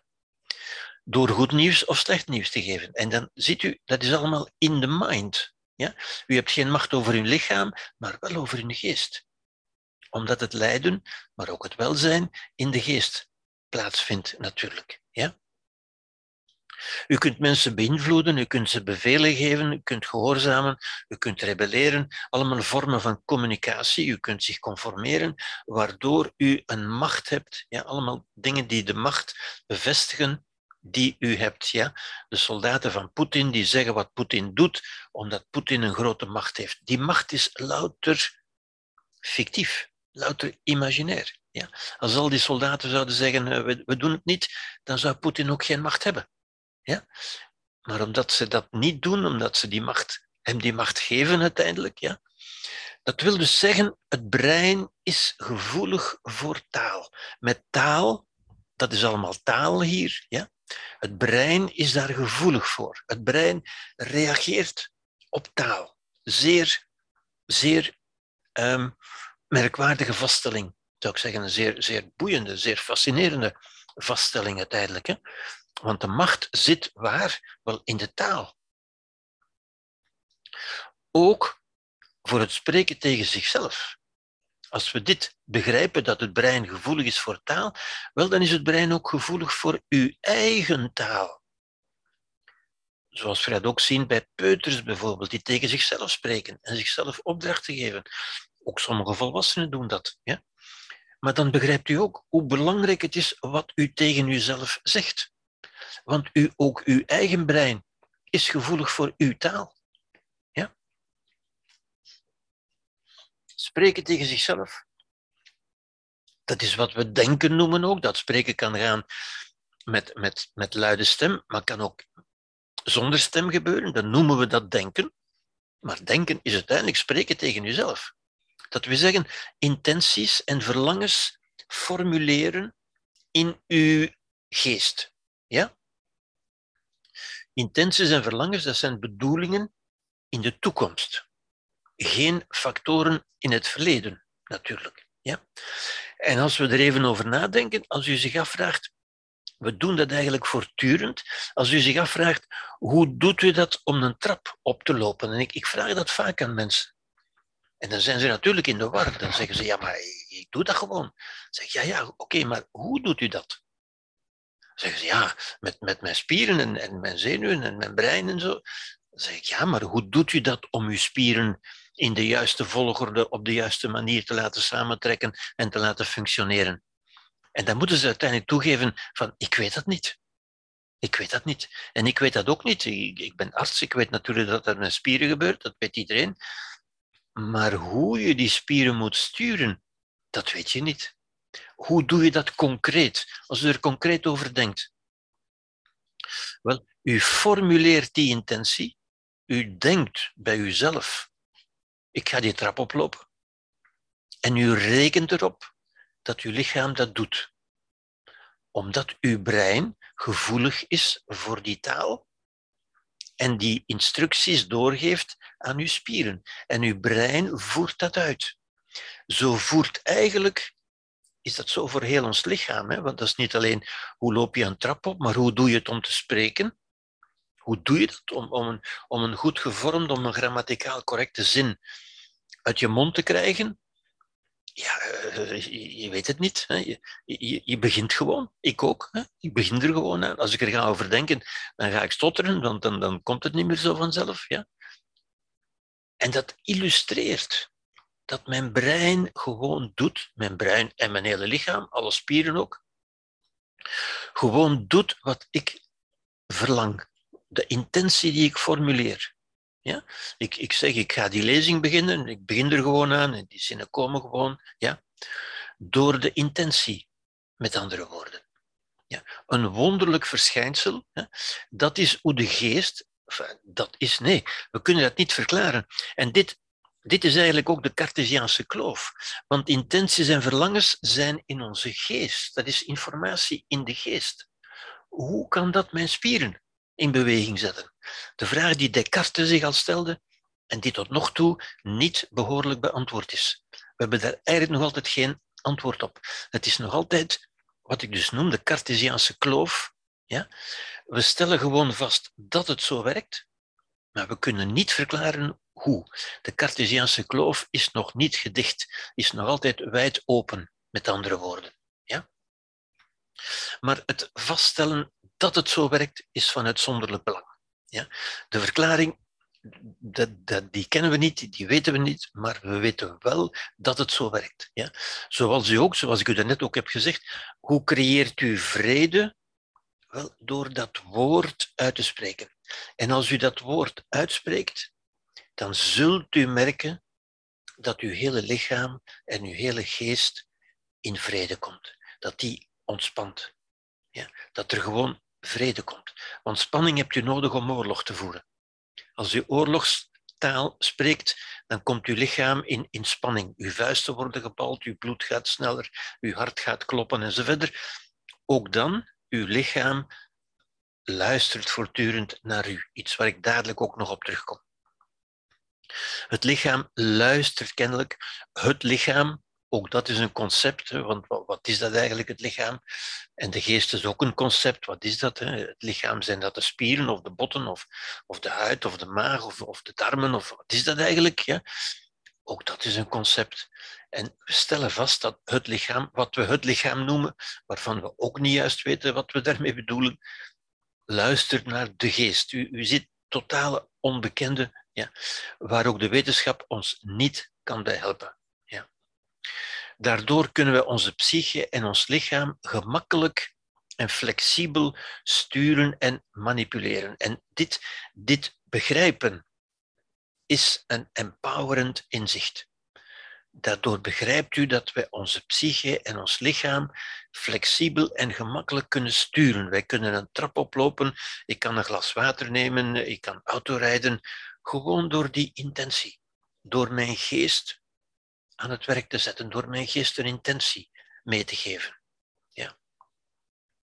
Oké, door de taal creëert het brein beelden en een interne context hier ga ik nu een beetje door, want onze tijd schiet natuurlijk op. Ik, ga, ik heb u ja, de, de, de virtuele realiteit van het brein, waar ik u daarnet over gesproken heb, dat bovenste vlak van die twee, onze belevingswereld, is eigenlijk onze existentiële realiteit. Dat is de realiteit die dus in werkelijkheid niet bestaat, of die louter voorstelling is, imaginair als u wil. Dat is onze echte existentiële realiteit waarmee wij leven. Existentieel wil zeggen waarmee wij leven. Maar wij zijn toch intuïtief overtuigd dat we de buitenwereld zien.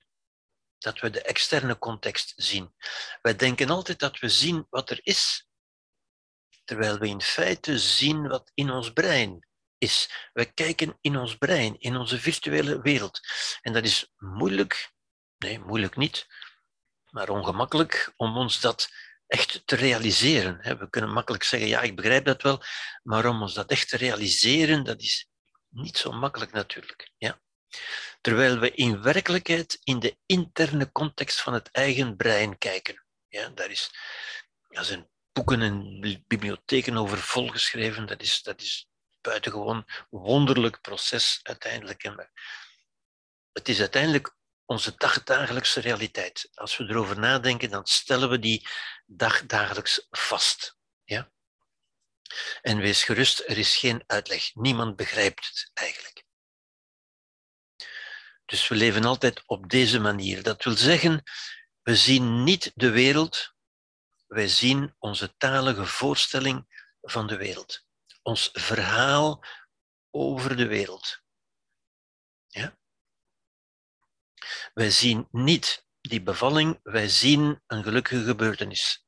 Of wij zien een aanranding, of wij zien een verlies, of wij zien een belediging, maar wij zien niet de wereld. Ja? Wij zien ook niet onze partner, wij zien onze voorstelling van die partner. Ja? Dat is wat Kant ook zei, de grote filosoof Kant.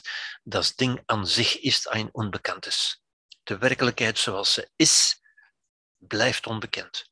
Al wat wij ervan zien, zijn onze voorstellingen. Ja? Zoals ik al zei, als iets achter u gebeurt en u hebt het niet gezien, dan hebt u er geen voorstelling bij en dan doet het u ook niets. Niets in de buitenwereld doet ons iets. Het zijn onze voorstellingen.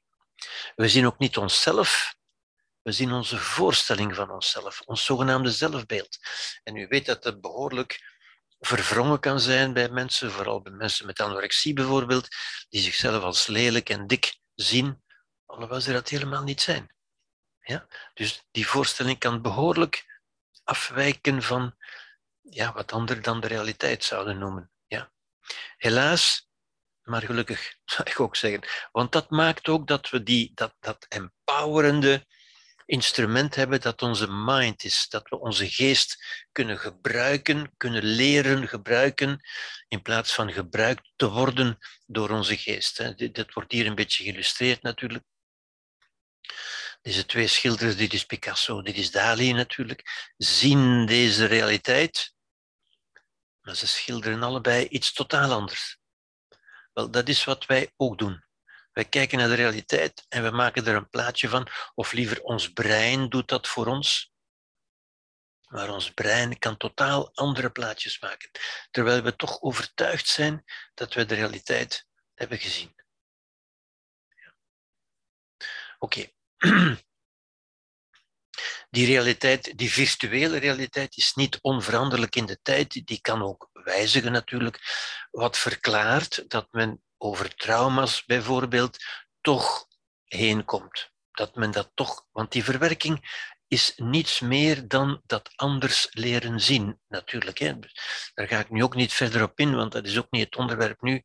Maar soms, mensen doen, laten het soms over aan de tijd, maar in feite is dat gewoon een ander beeld maken, een andere voorstelling van dezelfde realiteit. De tijd doet namelijk niets. Ja? Het is ons beeld dat verandert. Ja? Goed. Uh, de feiten zijn dus onherroepelijk voorbij, zeker als het over het verleden gaat. Ja? Feiten zijn ook onherroepelijk in de buitenwereld. Wat blijft, wat er is en wat blijft, zijn de voorstellingen, de verhalen, de betekenissen. Ja? Oké, daar ga ik nu een beetje doorheen gaan, want onze tijd schiet weer op. Ja. Dit, wat ik neuro-existentialisme noem, wat eigenlijk een beetje gaat over de Cartesiaanse kloof ook, ja. Waarmee ik dit een beetje duidelijker wil stellen, zegt dat wat ik neuro-existentialisme noem, namelijk de, de, de, de, de band, de verbinding de, de connectie, als u wil, tussen de neurologie en het existentiële. Ons verhaal en de neurofysiologie. En dan kunnen we vaststellen, en dat is ook vastgesteld, dat het lichaam, zoals ik ook al heb gezegd, luistert naar onze verhalen. Ja? En dit is het dichtste dat we bij de Cartesiaanse kloof kunnen komen, denk ik. Ja? Namelijk, woorden en verhalen die gaan over het mooie. Als we ons verhalen vertellen, als we woorden zinnen, verhalen vertellen over het mooie. Als we vertellen over een, mooi, een mooie herinnering, over iets moois in het verleden of over iets moois dat we verwachten in de toekomst, waar we enthousiast, waar we enchanté van worden. Ja? Over het goede. Het goede gaat over verbinding, over liefde, over mededogen bijvoorbeeld. Ja? Over het zinvolle. Het zinvolle is waar we toe bijdragen, waar we ons voor inzetten, waar we zin beleven. En het aangename. Het aangename is het sensoriële, wat aangenaam is van kleuren, van smaak, van geur, van aanraking. Als we dat doen, dan activeren we een doze. Dit is onze beleving. Ja? Dit zijn belevingswoorden. Deze woorden hebben geen betekenis in de wetenschap. Wetenschap kan daar niks mee aan. Maar onze beleving wel. Als we die beleving hebben, dan geven we onszelf in feite een doze. En dit kan men wel wetenschappelijk vaststellen. En wat is een doze? Wel, een doze is een letterwoord, DOSE, de D van dopamine, neurotransmitter van beloning, succes, overwinning, oxytocine, neurotransmitter van verbinding, van hechting. Serotonine, neurotransmitter van emotioneel welbevinden, van trots zijn bijvoorbeeld, ja en endorfines die neurotransmitters zijn van fysiek welbevinden en verlichting van pijn. En men kan vaststellen, als we aan dat soort gedachten, dat soort verhalen in ons bewustzijn laten aanwezig zijn, dan gebeurt er in ons lichaam dit. Het lichaam reageert, resoneert met deze mentale realiteiten zonder dat we begrijpen hoe. We kunnen het alleen vaststellen. Ja? Dat is bijvoorbeeld wat er gebeurt bij een placebo. Ja, maar goed, daar ga ik het nu niet over hebben. Ja? Dit is het boek, een boek dat daarover gaat, wat, wat zeer de moeite waard is. Beau Bien Bon van Elisabeth Grimaud, een neuro, uh, neurofysiologe, um, Franse neurofysiologe. Ja, niet vertaald, zover ik weet. Goed. Omgekeerd. Dus we kunnen, als we dit begrijpen, dan kunnen we eigenlijk, als we onze gedachten in deze richting sturen, hebben we al die goede, zeg maar, die gunstige, die, die, die, die, ja, die welbevinden creërende reacties in ons lichaam. Ja? Omgekeerd, als we woorden en verhalen vertellen of gehypnotiseerd worden door het kwade, het kwade is wat pijn, lijden of dood veroorzaakt het lelijke, afschuw, afgunst, pijn en zo verder, ja, veroordeling, zelfafwijzing, vechten, strijden, vijandigheid, oorlog en zo verder. Ja. Het onaangename, het, het negatieve dat we altijd zien. Ja. En het zinloze. Dan activeren we stresshormonen. En dat kunnen we ook in het laboratorium vaststellen. Ja. Als we dat soort gedachteinhouden produceren, ja, gedachteinhouden die gepaard gaan met lijden natuurlijk. Het lijden veroorzaakt stresshormonen, cortisol, noradrenaline, minder neurogenese, minder welzijnshormonen. Ja? Door het wetenschappelijke, ik ga beetje door, want onze tijd schiet op natuurlijk. Ik heb u al gezegd, door het wetenschappelijke en sociale discours, dat in onze wetenschap, in onze ja, wetenschappelijk georiënteerde samenleving zo sterk aanwezig is, worden mensen geformateerd en gehypnotiseerd tot disempowerment. Wat is disempowerment? Wel het omgekeerde van wat ik daar straks zei. Ja? Het idee dat je niets kunt doen, dat je machteloos bent en zo verder. Dat je ziek bent, dat er iets mis is met jou en zo verder. Die sociale clichés die we zo vaak horen. Ja? Als men die heersende sociale clichés en narratieven overneemt over kwetsbaarheid, hulpeloosheid, machteloosheid, slachtoffer zijn enzovoort, ja? dan creëren we ook die realiteit en die ervaring. Dan creëren we met andere woorden stress. Dan zitten we in de stress. En als we in de stress zitten, ik zeg het met opzet zo natuurlijk, hè, dan is dat weer het idee van een gevangenis. Ik zit daarin gevangen. Gevangenis centraal concept voor depressie. Ja. Empowerment en antidepressie. En nu, kom ik natuurlijk tot iets, uh, ik zeg niet antidepressiva, maar antidepressie. Dat wil zeggen iets wat anti die depressieve mentaliteit is, zou ik zeggen. Ja? Namelijk empowerment. Er is dus geen, er is geen behandeling van depressie. Er is wel een empowerend, een empowerende mindset. Ja? De mens, zegt men, is een sociaal wezen. Ja? Dat is natuurlijk zo. Vele dieren ook, zeker de zoogdieren waartoe wij behoren. Een sociaal wezen, maar dat mogen we niet, of dat wordt vaak op een sentimentele manier opgevat, die volgens mij niet de goede is, of niet de meest gunstige, zou ik zeggen. Ja? Dat betekent niet dat hij behoefte heeft aan gezelschap, aan troost, aan steun, aan gedragen worden of, dat, of andere sentimentele uh, ervaringen, zou ik zeggen, die eigenlijk meer passen. Wie heeft behoefte aan gezelschap, aan troost, aan steun enzovoort? Ja, dat geldt voor een baby, een invalide of een zieke. Een baby moet je dragen, een invalide heeft steun nodig, een zieke moet je gezelschap houden en troosten. Ja? Maar niet voor gezonde mensen. Maar omdat hij behoefte heeft. Wat is dat dan wel als sociaal? Wat betekent dat wel? Wel dat wij behoefte hebben om van anderen te leren wat het betekent om mens te zijn. Wij moeten van anderen leren. Wij moeten niet gedragen worden of gesteund of getroost worden. Wij moeten leren en aan anderen kunnen wij zien wat de mens kan, waartoe de mens in staat is. Ja? En door anderen, en anderen ontmoeten we ook in boeken natuurlijk, ja? door anderen geïnspireerd te worden met empowerende existentiële verhalen. Dat is wat wij sociaal aan elkaar zouden moeten doen geen kruk zijn voor elkaar, we zijn geen invalide, niet elkaar dragen, we zijn geen baby's, ja? maar elkaar inspireren met empowerende existentiële verhalen.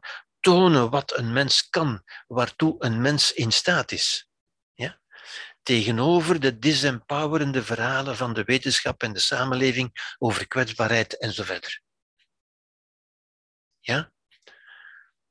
Men kan de wijsheid niet vinden in zichzelf, of in het eigen hart, of in de eigen intuïtie, of in stilte, of in meditatie. Ja? En vaak denken mensen dat, van ik moet het in mezelf vinden. Nu, dat zou ik zeggen is juist een teken van, van het individualisme. Dat is niet beseffen dat wij sociale wezens zijn. Wij vinden dat niet in onszelf. We vinden onze ziel niet, we vinden ons diepste zelf niet in onszelf. Ja? Maar in het bewustzijn te behoren tot de menselijke soort. Het bewustzijn. Te beseffen dat wij een mens zijn. Een mens met alle menselijke mogelijkheden van de menselijke soort. Dat is een sociaal bewustzijn. Ja? Het sociale bewustzijn is alles wat iemand kan, kan ik ook. Ja? Dat is inspiratie. Als de ander dat kan, daar kan ik ook iets van. Want ik ben ook een mens. Ik behoor tot dezelfde soort. Dat is het sociale bewustzijn.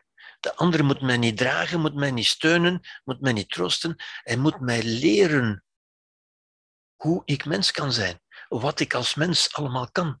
Wat allemaal mogelijk is. Ja? Dat is wat de Boeddha ons geleerd heeft. En Mandela en Frankel en Solzhenitsyn en al die andere grote mensen. Ja? Dat is waaraan we ons kunnen inspireren, waaraan we kunnen leren tot wat de mens in staat is. Ja? Zoals, zoals eh, Hillary ons geleerd heeft dat de mens de Everest kan beklimmen en Mandela ons geleerd heeft dat je in de gevangenis kunt zitten zonder depressief te worden. En het is door om ons heen te kijken en te leren van de anderen dat is het sociale aspect, dat is het sociale bewustzijn. En dat is ook een empowerend bewustzijn. Men spreekt tegenwoordig ook, veel over zelfvertrouwen. Ja? Alsof dat iets zou zijn wat je diep in jezelf moet vinden of zo, wat je moet, moet opdelven uit jezelf. Ik geloof dat absoluut niet. Ja? Het is iets wat je van anderen kunt leren. Ja? En alle lijden kan gezien worden als de aankondiging van een nieuwe geboorte.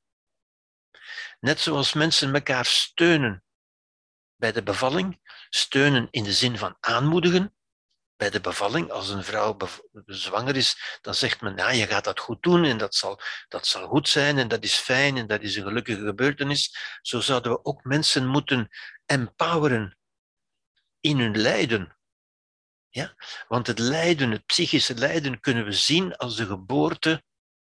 Welke geboorte? Wel de geboorte van een nieuw inzicht. Net zoals de geboorte van een nieuw lichaam gepaard gaat met lichamelijk lijden, kunnen we zien dat de geboorte van een nieuw inzicht gepaard gaat met psychisch lijden. Maar dat psychisch lijden, dat is, dat is goed, want dat kondigt een nieuwe geboorte aan. Als we het zo zien. Ja? Als we zeggen, oh nee, ik mag niet lijden, want dat is niet goed, ja, dan kan er ook geen geboorte meer komen. Ja? Dan blijft u waar u was. En ziet u, dat is wat we van elkaar kunnen leren. Dat is het sociale bewustzijn.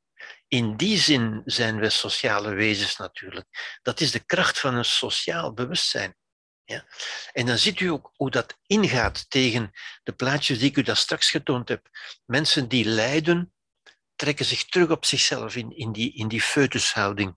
Ze zitten gevangen in zichzelf, ze kronkelen ook in, in zichzelf, ze krullen zich in een foetushouding.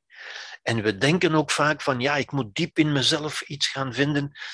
Ik denk niet dat we dat daar kunnen vinden. Ja? Ik denk dat we op dat moment juist de inspiratie nodig hebben, de resonantie, zou je kunnen zeggen, ja? van de muziek van andere mensen, van de existentiële muziek van andere mensen.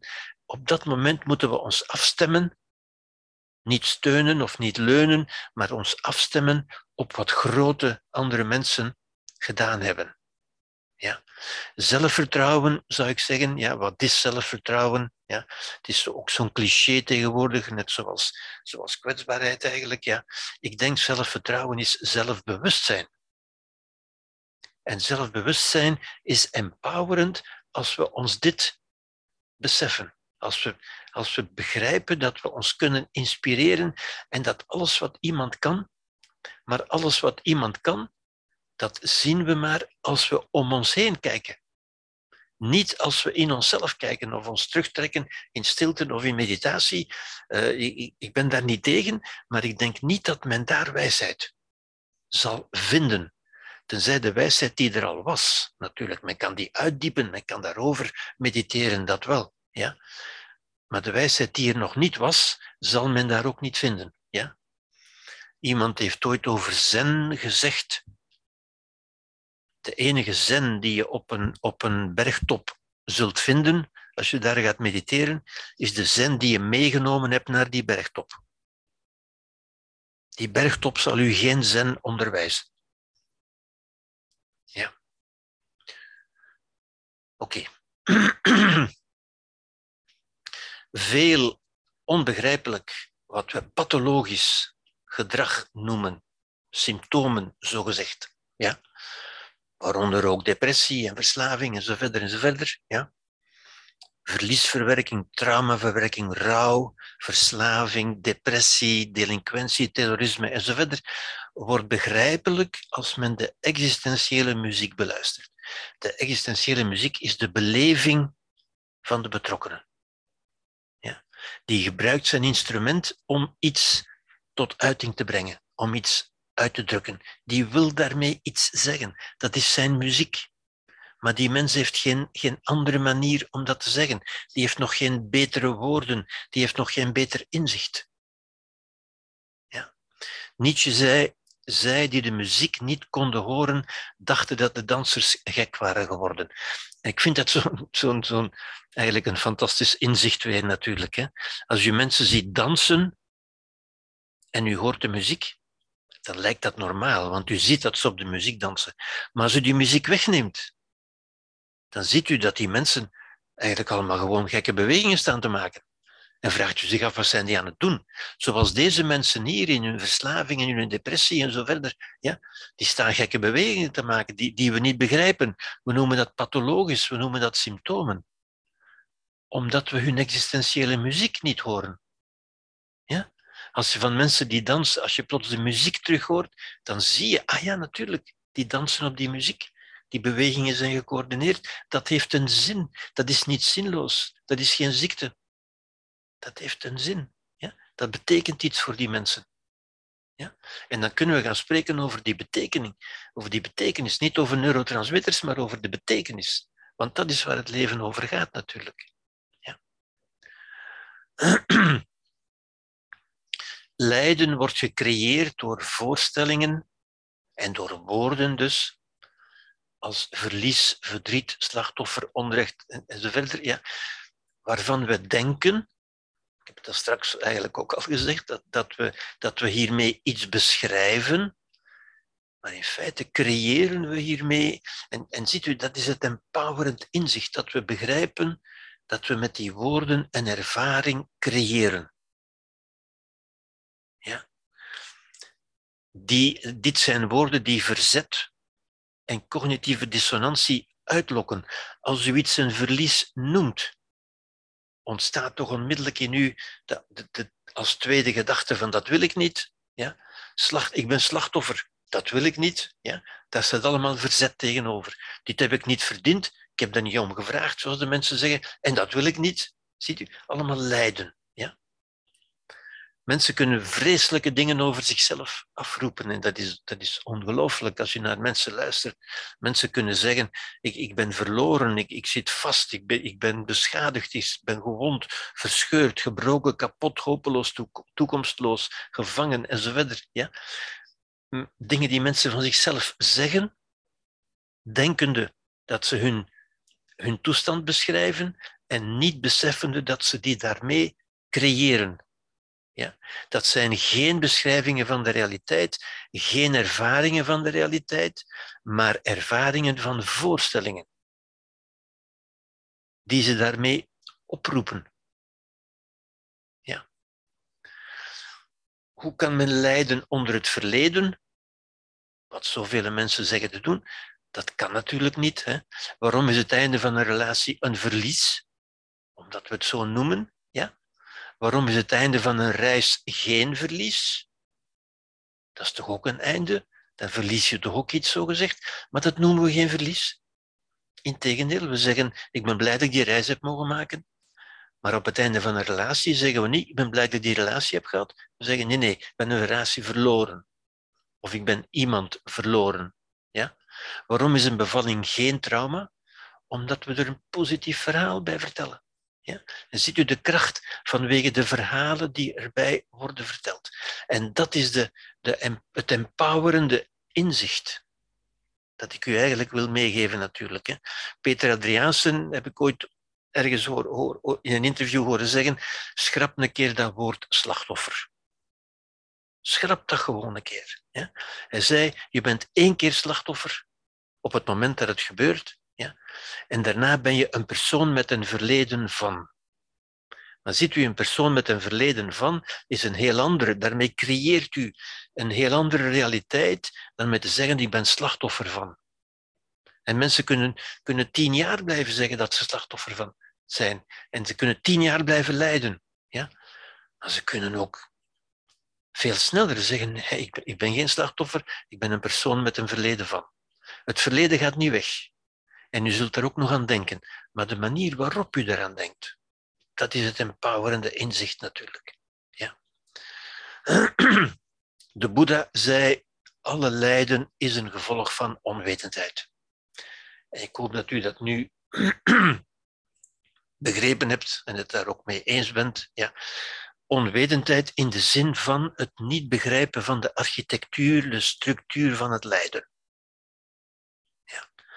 onwetendheid tegenover wijsheid. De wijsheid is dat we wel begrepen hebben. Ja? Wijsheid gaat niet over kwantumfysica of over wetenschap, maar over die existentiële, die levenswijsheid, die ik u nu probeer mee te geven. Ja. Eckhart Tolle zei, je lijdt tot je begrepen hebt dat lijden niet nodig is. En dan stop je ermee. Zoals ik vorige week ook heb gezegd, denk ik, je, je lijdt je stopt met lijden zoals je stopt met roken. Omdat je begrijpt dat het niet nodig is, dat het zelfs absurd is. Dat het iets, iets kinderlijks heeft. waarvan je zegt, dit, dit past niet meer bij mij. Dit doe ik niet meer. Dit past niet bij een volwassen mens. Dit stemt niet overeen. Dit, dit is niet in harmonie met mijn waardigheid als volwassen mens. Kadir Gibran zei, wat ik daarnet ook heb gezegd, pijn is het breken van de schaal rond uw begrijpen. Zoals de pijn van een bevalling is de pijn van het geboren worden. Dit is een spirituele geboorte. Wat wordt er geboren? Een nieuw inzicht, een nieuw begrijpen. Ja? Pijn is het breken. Ik, ik vind dat zo'n geweldig inzicht. Pijn is het breken van de schaal rond uw begrijpen. Ja? En eigenlijk ziet u dat al die dingen hetzelfde zeggen. Hè? Dus je, je, je wordt wakker, omdat je begrijpt. Ja, dat, dat is het wakker worden van de Boeddha. De Boeddha spreekt voortdurend over wakker worden. Wat is wakker worden? Wakker worden uit de droom. Uit de droom dat, dat, dat, dat de externe wereld je heeft doen lijden. Dat je lijdt. Dat je lijdt omdat je je bonbon niet hebt gekregen. Ja? Wakker worden is, ik, ik kan die bonbon best missen. Ik ben nog altijd een heel mens, ook als ik die bonbon niet heb. Khalil Gibran zei ook, wie niet door de donkere nacht gaat, kan het ochtendgloren niet aanschouwen. Dat is in wezen hetzelfde idee natuurlijk.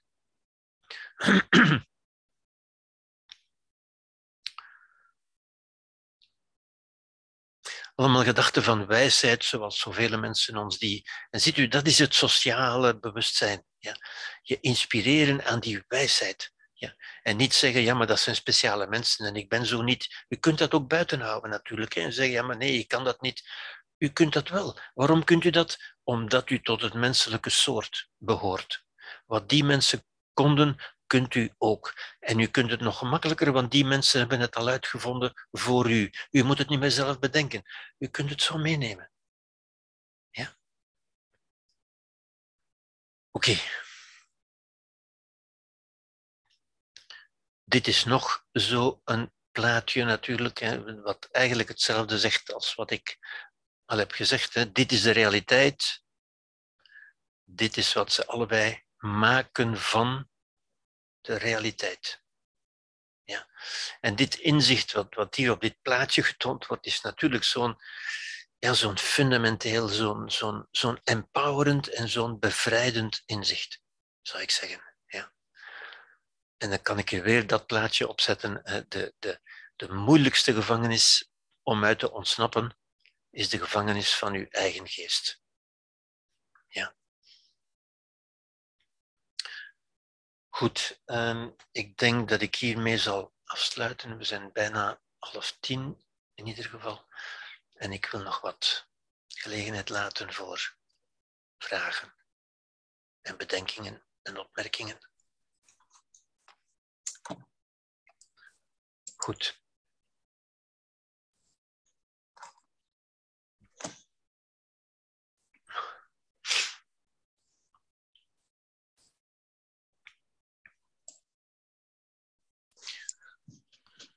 Nu even ophouden met kwekken om te mhm. kijken wat, er, uh, wat de oogst is. Hmm. Er zitten vast en zeker een aantal interessante gedachten in de chat. Ja. Maar uh, het is natuurlijk prettiger als mensen zelf de vragen stellen. En ik zie Dirk die zijn hand al opsteekt. Prima, Dirk. Ja. ja. Dirk van Eekhout. Ja. Ja. Zeg maar, Dirk. Als je je microfoontje aanzet.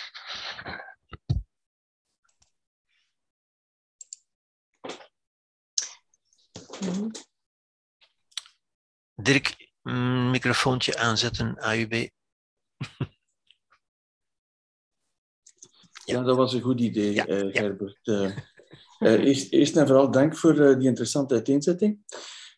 Je, zou, je zou een fantastische prof geweest zijn, 45 jaar geleden, aan de universiteit zijn.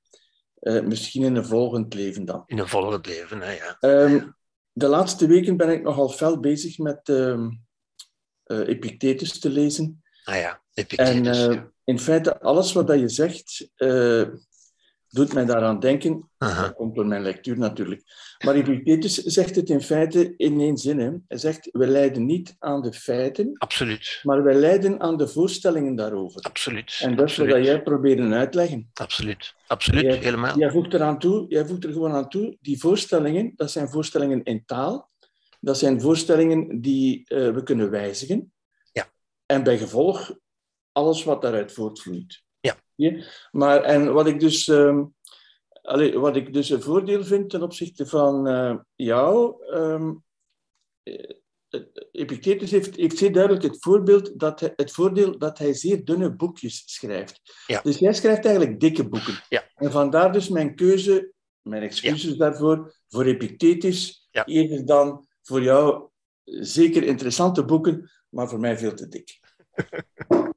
Oké. Oké. Een Dankjewel. bedenking. Een bedenking. Dankjewel, Dirk. Maar ik heb ook een vraag. Ah, ja. laat ik toch ook maar een vraag stellen. Ehm, je sprak over die kloof, eh, die Cartesiaanse kloof. Eh, ja. Ten eerste, het is mijn idee en, en aanvoelen dat die kloof veel ouder is dan Descartes, dat dat eigenlijk een platonisch, dat dat al van bijna eh, Plato naar het neoplatonisme, naar de christelijke the- theologie. Zeker. Zeker. Dus dat Zeker. zit op die manier in, in ons denken. Hè? Ja. Dus, maar, Absoluut. dus Descartes is daar wel de, de meest duidelijke ehm, formulator, Ja. formulator van. Hè? Ja, Hij precies. formuleert dat op de meest pregnante manier. Ja. Eh, maar je, je geeft zelf een, een, voorbeeld eigenlijk, een schitterend voorbeeld, eh, hoe tussen die O over die kloof in feite een brug ligt. Namelijk wanneer dat je zegt, eh, het lichaam luistert eh, naar het mooie, het goede, het zinvolle. Ja. En ik zie dat in het labo aan de dopamine, de Ja. serotonine, de endorfine. Nu, daar, daar geef je duidelijk aan dat daar een brug is. Ja, ja, ja dat is waar.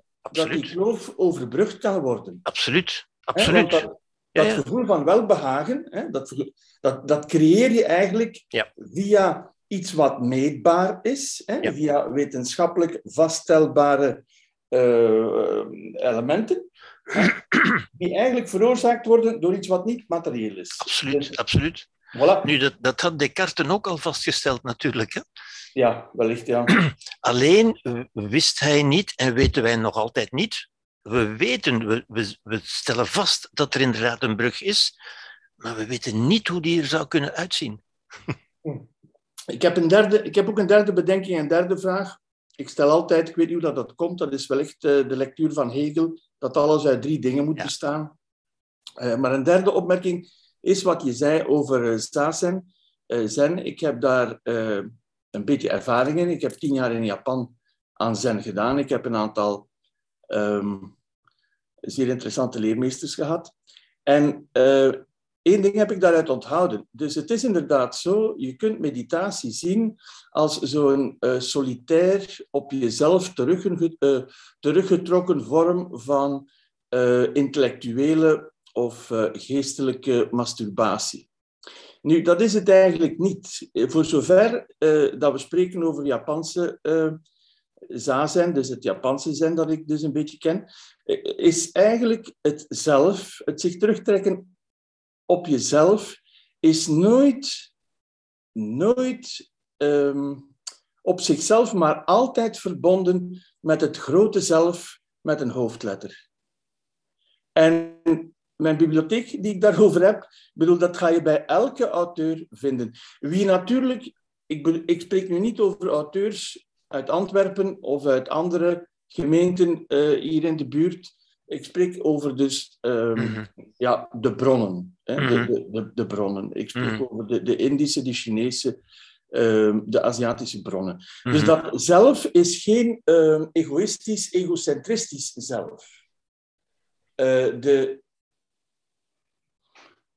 ja, Ja. Meer, kan ik dat, meer, meer weet ik daar ook niet van hoor. Maar, Ja. ik, ik ken die kan- denkwereld kan natuurlijk. Zeker, ja. Het kan zeker op die manier eh, gedaan worden. Dus eh, als, als men hier over mindfulness spreekt en als men spreekt over meditatie, dan kan dat best zijn wat dat jij daar vertelt. Mhm. Maar voor zover ik eh, iets geleerd heb eh, van, wat, eh, van mijn leermeesters, dan is het Mhm. toch dat dat precies wel de foute manier is. Dat kan best zijn. dat was ook niet het onderwerp eigenlijk. Ik ga er ook niet, niet verder op in.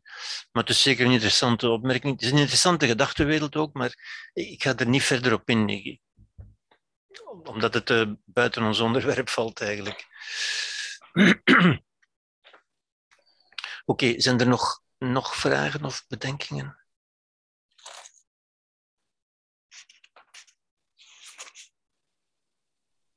Ik heb nog een vraagje, uh, Gerbert. Uh, je zegt dat het belangrijk is dat je... Wie ja, is... Katrien. Katrien, ja, ja. oké. Okay, okay, ik wil mij voor eerst al excuseren. Voor mij is het allemaal nieuwe materie. Ik probeer mij daar een klein beetje eigen aan te maken. Dus excuseer ik mij alvast als ik rare dingen zeg of verkeerde zaken. Um, maar je sprak erover dat het belangrijk is dat je je eigen stem laat zeggen van ik aanvaard, hè, ik ben in vrede. Um, ik kan daarin komen, maar ik ben ook een beetje bang als je dat inderdaad op het verkeerde moment zegt ah, in je proces, dat dit ook eerder tot een soort van ontkenning of een verdringing kan uh, ja. leiden. Ja, ik heb je vraag in de chat zien staan, dat was uw vraag inderdaad. Mhm. nu, ik zou zeggen, vragen die beginnen met zou het ook niet kunnen dat, dan moet ik altijd zeggen ja, dat zou ook kunnen. Mhm, ja? Mhm. Als ik nu zeg, om, om nu, nu een ongelooflijk simplistisch voorwerp of onderwerp te nemen, als ik u zou zeggen, kijk, appelen eten is gezond, dan zou je kunnen zeggen, ja, maar zou het ook niet kunnen dat ik te veel appelen eet? Dan moet ik weer zeggen, ja, natuurlijk. Ja? Mhm, Alles wat te is, is, is niet goed. Te veel is niet goed, te weinig is niet goed, uh, natuurlijk. Hè? Ja. Maar ik, ik begrijp wat u bedoelt, natuurlijk. Hè? En dat is, dat, dat is een moeilijke, moeilijke afweging. En dat is juist ook het, het kritische denken. Hè? In hoeverre mhm. stemt mijn voorstelling? Initieel leef ik met mijn voorstelling. Stemt die wel overeen met de realiteit? Of stemt die wel, die, die stemt nooit overeen. Hè? Dat is wat Kant zegt natuurlijk. Hè? Want, want we kennen de realiteit nooit. Maar stemt ze wel voldoende overeen? Om niet, zoals, zoals, zoals u zegt, uh, iets te ontkennen wat, wat evident is, of iets te verdringen, zoals u zegt nu. Verdringen, dat is, dat is nog meer een Freudiaans uh, ding. Ik denk niet dat je veel kunt verdringen, maar, maar goed, dat, hoort in de Freudiaanse denkwereld. Ja. Maar het, het is natuurlijk mogelijk. Hè, en, en er, zijn ook, uh, zijn ook wel voorbeelden van, van mensen die, laten we zeggen, een te rooskleurig verhaal over de realiteit creëerden en daardoor in problemen kwamen. Dus dat kan inderdaad. Ja? Dat is inderdaad mogelijk. Ik denk dat het ook een, een proces is om de dingen anders te leren zien. Ik denk dat dat de kunst is. Hè? Uh, ja. Dat je inderdaad ja. uh, het, ja. het, op een andere manier leert zien. Maar ik denk dat dat ook een onderdeel is van je leerproces daarin. Maar ook van je, van je redelijkheid, van je kritisch denken natuurlijk. Hè? Mm-hmm. Als je voorstellingen maakt uh, waar je alleen maar zelf onder lijdt, ja, dan weet je toch duidelijk dat dat, dat niet de goede manier kan zijn. Hè? Want, in, mm-hmm. want in de buitenwereld uh, verandert er niks. Alleen jij zit te lijden. Ja. Dan moet je toch zeggen, ik heb me ergens vergist. Of, hè? Ja? Mm-hmm. Maar voor de rest, als, als uw voorstelling het u goed maakt in de wereld, als uw voorstelling voldoende aansluiting vindt met de buitenwereld, dan is er geen, geen probleem natuurlijk. Hè? Mm -hmm. Dank u. Ja. Maar u hebt, u hebt helemaal gelijk. We moeten, altijd, we moeten altijd voorzichtig zijn, zou ik zeggen. We moeten altijd voor ogen houden dat, dat we nooit de realiteit zien zoals ze is. Ja? Ik zou zeggen, zoals ik zei, een compliment of een, of een, of een belediging. Hè? Dat, dat wat de ene bedoelt als een grapje, kunt u zien als een belediging. Hè? Dat bedoel ik. En dan, dan kunt u toch gaan zeggen, is, dat nu wel verstandig van dat als belediging op te vatten? Kan ik dat nu niet anders zien? Ja? Want uiteindelijk benadeelt u uzelf daarmee. En dat is de redelijkheid uiteindelijk. Hè? Ja?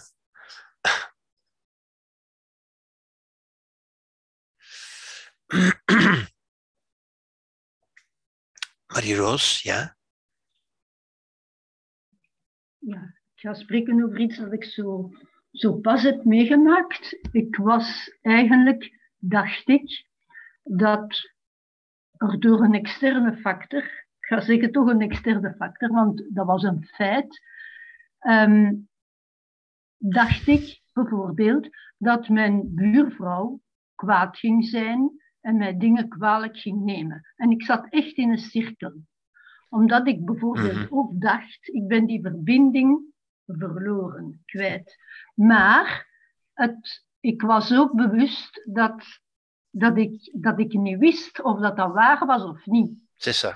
het, de enige uitweg was haar daarmee te confronteren en te zien, is dat nu waar of is dat nu niet waar? Ja. En het is pas als ik die stap zet, dat Ja. ik zeker ben en dat, dat die gedachte ook over is, dat dat weg is. En dat terug een, een normale verbinding is. Want er waren wel feiten geweest. Hè? Dus eh, ja. Ja. En ik, heb, ik was daarvan bewust, maar kon daar niet uit. Ik kon, ik kon die stap zelf niet zetten van te zeggen, bijvoorbeeld, ik ben in vrede. Dat hielp me niet. Ik moest echt zien, is dat nu waar of is dat niet, niet waar? Wat Ja. ik denk. Voilà. Ja. Dus ja, ik heb het zo pas ervaren. Ja. ja. Ik begrijp wat u zegt natuurlijk, hè? Mhm. maar ik zou zeggen, ongeacht of het waar was of niet waar was, had u er uiteindelijk toch vrede moeten mee maken. Ook als het wel waar is, had u er vrede moeten mee maken. Ja, maar ik denk, ja, dat heeft dan weer te maken met basisbehoeften en dergelijke. Ja, en dat is ook weer. Dat is uw voorstelling van de zaken. Hè? U, kunt, dingen, u dat kunt is- dingen een basisbehoefte noemen, Ja. natuurlijk. Hè? Maar je moet het wel kunnen verwerken. Hè. Je moet, ja, Je, je behoort tot Je een menselijke soort die dat kan verwerken, hoor. ja, ja. Vraagt wel veel Mensen, u, u mag gerust zijn, mensen kunnen dat verwerken. Mhm, Ik denk Ja. dat wel. Ik denk wel dat men alles kan verwerken. Maar Ja. Ja, inderdaad. Inderdaad. Ja. Inderdaad. Hm, Ja, ik moest dat toch even... Allee, ja, ik ben Ja. een beetje beschaamd van dat te zeggen, maar ja. Nee, maar je, je illustreert perfect eh, Ja. hoe, hoe je voorstellingen met jou Ja. op de loop gaan uiteindelijk. Hè? Ja, Dus- absoluut. En ik was daar ook bewust van. En ik wou daaruit, maar ik kon daar niet uit. je, je kon er niet uit omdat je nergens in zat. Of te veel in zat.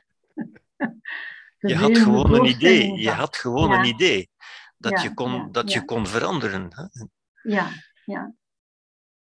Maar ja, het weten, weten of het waar is of niet waar, is toch wel belangrijk. Dus het- Ja, maar, maar je- ongeacht of het waar was of niet waar was, je had er toch moeten mee leven. En dan, dan heb je weer de keuze. Ja. Je kunt er in oorlog mee leven en lijden, Ja. of je kunt er in vrede mee leven en niet lijden. Ja? Maar wat Ongeacht of het waar is of niet waar is. Ja, maar wat ik wou zeggen, soms moet je toch echt wel actie ondernemen, want anders word je gebruikt. Voilà. In veel, ja, in veel gevallen wordt Door wie word je dan gebruikt? Door andere mensen. Aan, allee, ja, je geeft de macht aan iemand, Ja, maar die, juist. die misbruikt dat. Juist, die, die, of die, gebruiken dat. ongeacht, ongeacht die denkt, ik doe hier goed, maar uiteindelijk is dat in hun nadeel. Ja, dat Dus- kan zijn. Dat kan zijn. Ja. Ik denk dat mensen de kansen gebruiken die ze krijgen. Hè. Dus, ja. Daar Ja. kunt u eigenlijk altijd op rekenen, denk ik. Ja, dat is waar. Bedankt voor uw lezingen.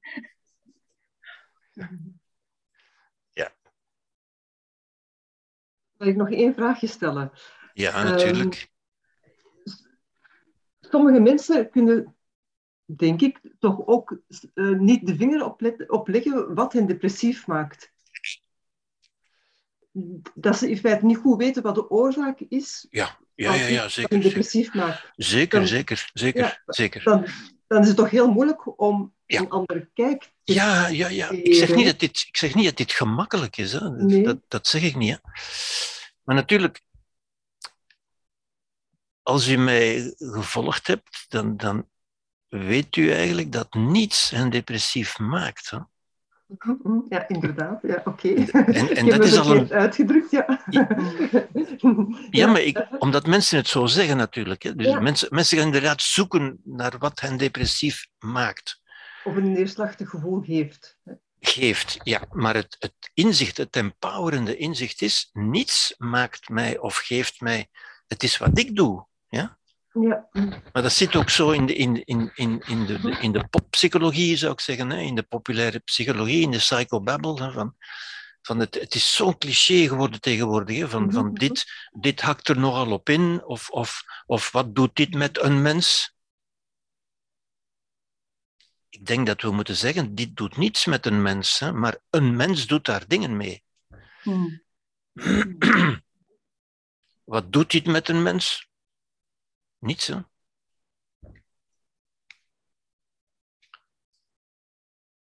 Dat creëert toch een gevoel, hè? U creëert een gevoel. Oké.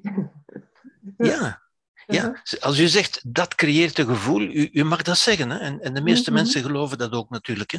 Maar als u dat zegt, dan maakt u u afhankelijk van die externe dingen die dat gevoel creëren. Dus, ik kan er niks aan doen. Dat, Dat heeft, heeft dat gevoel gecreëerd en ik kan daar niks aan doen. Dat is eigenlijk al slachtofferdenken natuurlijk. Hè? Dan geeft Mhm. u de macht. Dan geeft u de macht over uw interne wereld, over uw emotionele ruimte aan de omstandigheden. Ja? Nu, dat is wat de meeste mensen doen, om- omdat dat ook is wat we voortdurend horen. Hè? Maar als u erover nadenkt, zoals ik u heb proberen te inspireren in deze lezing, dan moet u zeggen, u moet verantwoordelijkheid nemen voor uw eigen emoties. U moet dat niet, hè? U moet, u moet niks natuurlijk. Hè? Maar als u dat wel doet, dan bevrijdt dat u ook van de macht van die externe factoren, zogezegd. Dat woord factoren alleen al. Hè? Een factor is iets wat iets doet. Hè? Qui fait quelque chose. Qui, qui factor. Ja? Dan geef je al, die hebben dingen gedaan aan mij. Dat is het begin van, van, van een lijdensverhaal, van een slachtofferverhaal. Hè? Dus, en ik kan daar niks aan doen. Ik ben slachtoffer, met andere woorden. Dan heb je steun nodig en troost en, en moet je gedragen worden zoals een baby, inderdaad. Hè? Dank u. Begrijp je het? Jawel, jawel, jawel, jawel. Ja. Dat is, dat is empowerment. Hè? Dat is, empowerment is ook maar het bewust worden van je eigen power. Je kunt mensen geen power geven. Niets geeft u power en niets neemt u power weg. Maar het is bewust worden van de power die u hebt. En waarom hebt u die? Niet omdat u zo speciaal bent, maar omdat u behoort tot een menselijke soort die die power gewoon heeft. Ja? Dat, dat is ook wat ik het sociale bewustzijn noem. Het sociale bewustzijn is bewustzijn dat je behoort tot een, tot een soort die, die, die ongelooflijke mogelijkheden heeft.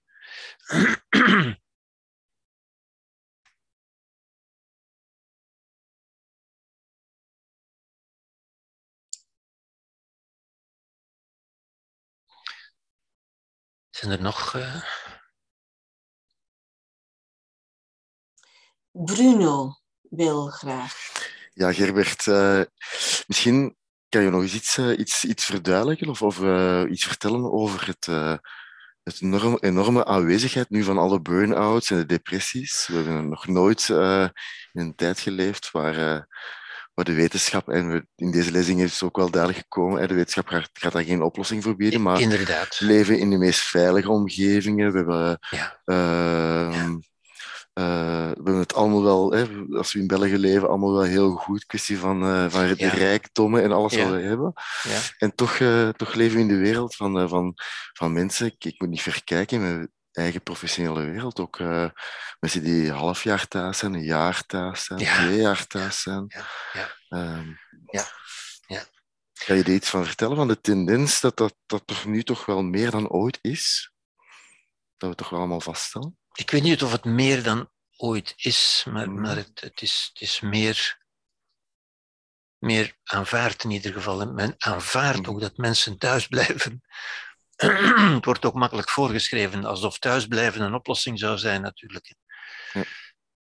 Maar er, er zijn verschillende dingen die men daarover kan zeggen. Hè. Maar ik, ik, ik denk persoonlijk, een van, de, een van de belangrijkste dingen voor mij, dus niet het enige hoor, maar toch het belangrijkste, denk ik, En dat is onder meer tot uiting gekomen in, in een recente enquête die gebeurd is door, ik weet niet meer wie, ik denk VRT en een krant of zoiets, waarin tot uiting kwam dat 80 tot 90 procent van de mensen hun baan, hun, hun job, zoals ze tegenwoordig zeggen, hè, ja, hun baan, hun arbeid, laten we zeggen, hè, ja, hun arbeid zinloos vinden. Ik, ik denk dat dat een heel belangrijke vaststelling is. Ja? Ja. Want dan kom je, denk ik, onmiddellijk tot, tot wat ik het centrale concept heb genoemd, het gevangen zitten. Mhm.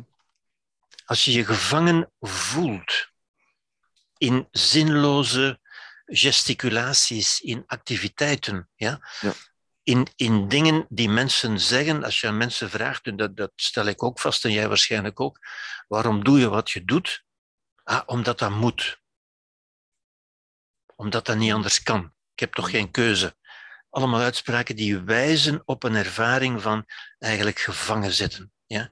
En ik denk, en dat, dat is het, het, het verhelderende, denk ik, het, het onthullende, het verbijsterende eigenlijk ook van het experiment van Seligman. Hè?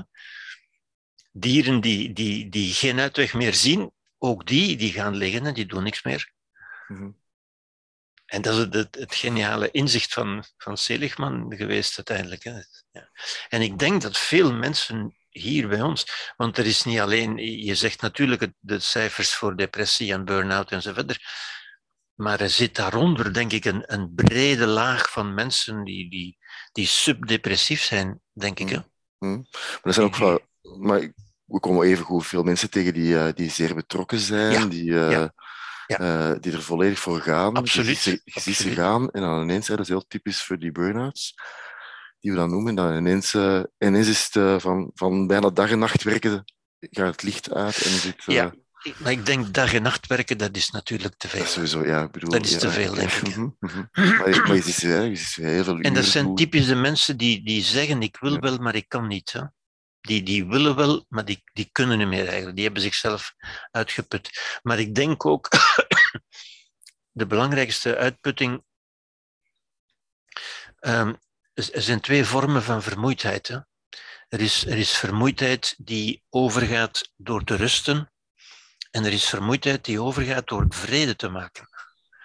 Er is de vermoeidheid van de ziel, van de geest, eh, denk ik, die, die een emotionele vermoeidheid is.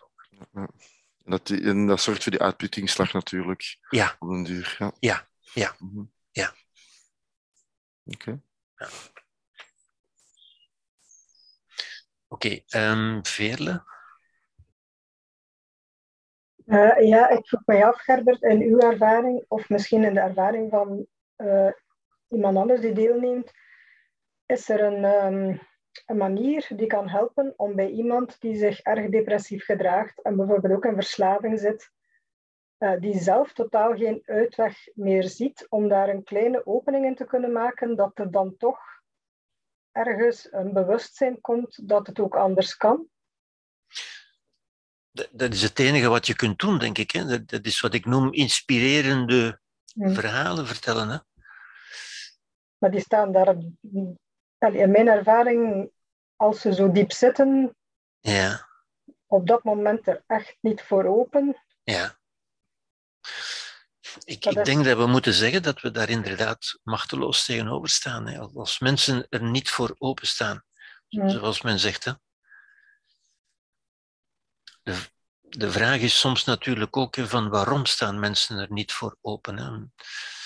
Hebben mensen wel, of sommige mensen wel, wel echt de bedoeling van beter te worden? Of voelen ze zich eigenlijk comfortabel? Hm. Maar ja, ik denk dat we heel bescheiden moeten zijn over de, de mogelijkheden van therapie, hoor. Zowel voor, Ja. zowel voor verslaving als voor, als voor eh, depressie uiteindelijk. hè. Want verslaving kunnen we ook niet zomaar, ook dat is zomaar geen ziekte die we zouden kunnen behandelen. Hè. Ook dat is veel meer een existentiële zijnstoestand waar mensen alleen maar zelf verandering kunnen inbrengen en waar we alleen maar kunnen inspireren om verandering te brengen, om anders Ja. te gaan leven. Ja. Ik ga er wel niet volledig mee akkoord, want ik denk wel dat therapie die inspiratie kan zijn.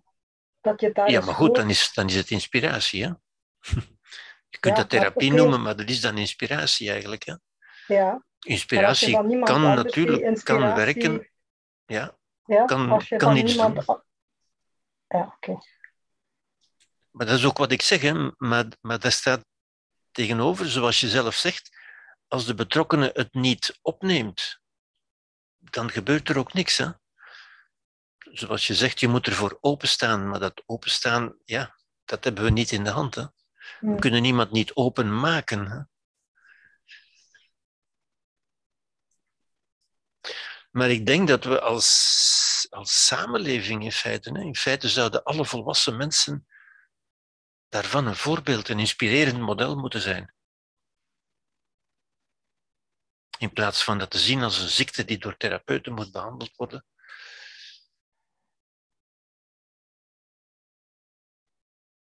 Oké. We zouden in een, in een inspirerende samenleving moeten leven. Hè.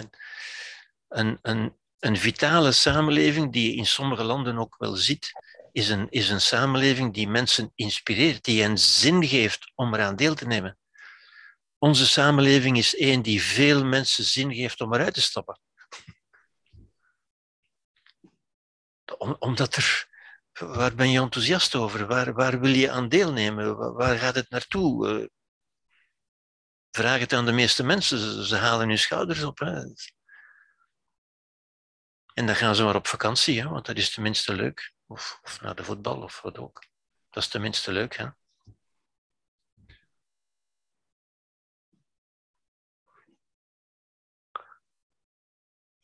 Ja, ehm, Saskia eerst. Saskia.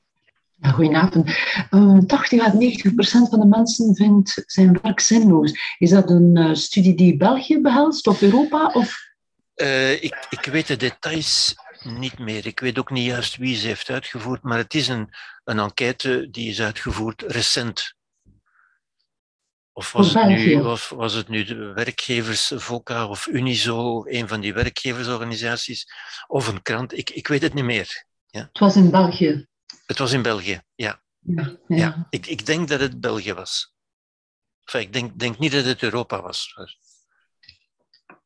Dus was een werkzetting in België waarschijnlijk dan? Ik denk Of- het. of Ik denk het, ja. organisatie, Een organisatie in België, ja. Ik denk het.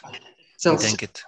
waarschijnlijk in Vlaanderen, als het vanuit de VRT kwam. Ze zei Ja, dat maar het ik ben er niet zeker van. Ik weet het echt niet. Je weet het ook niet, eh, lieve.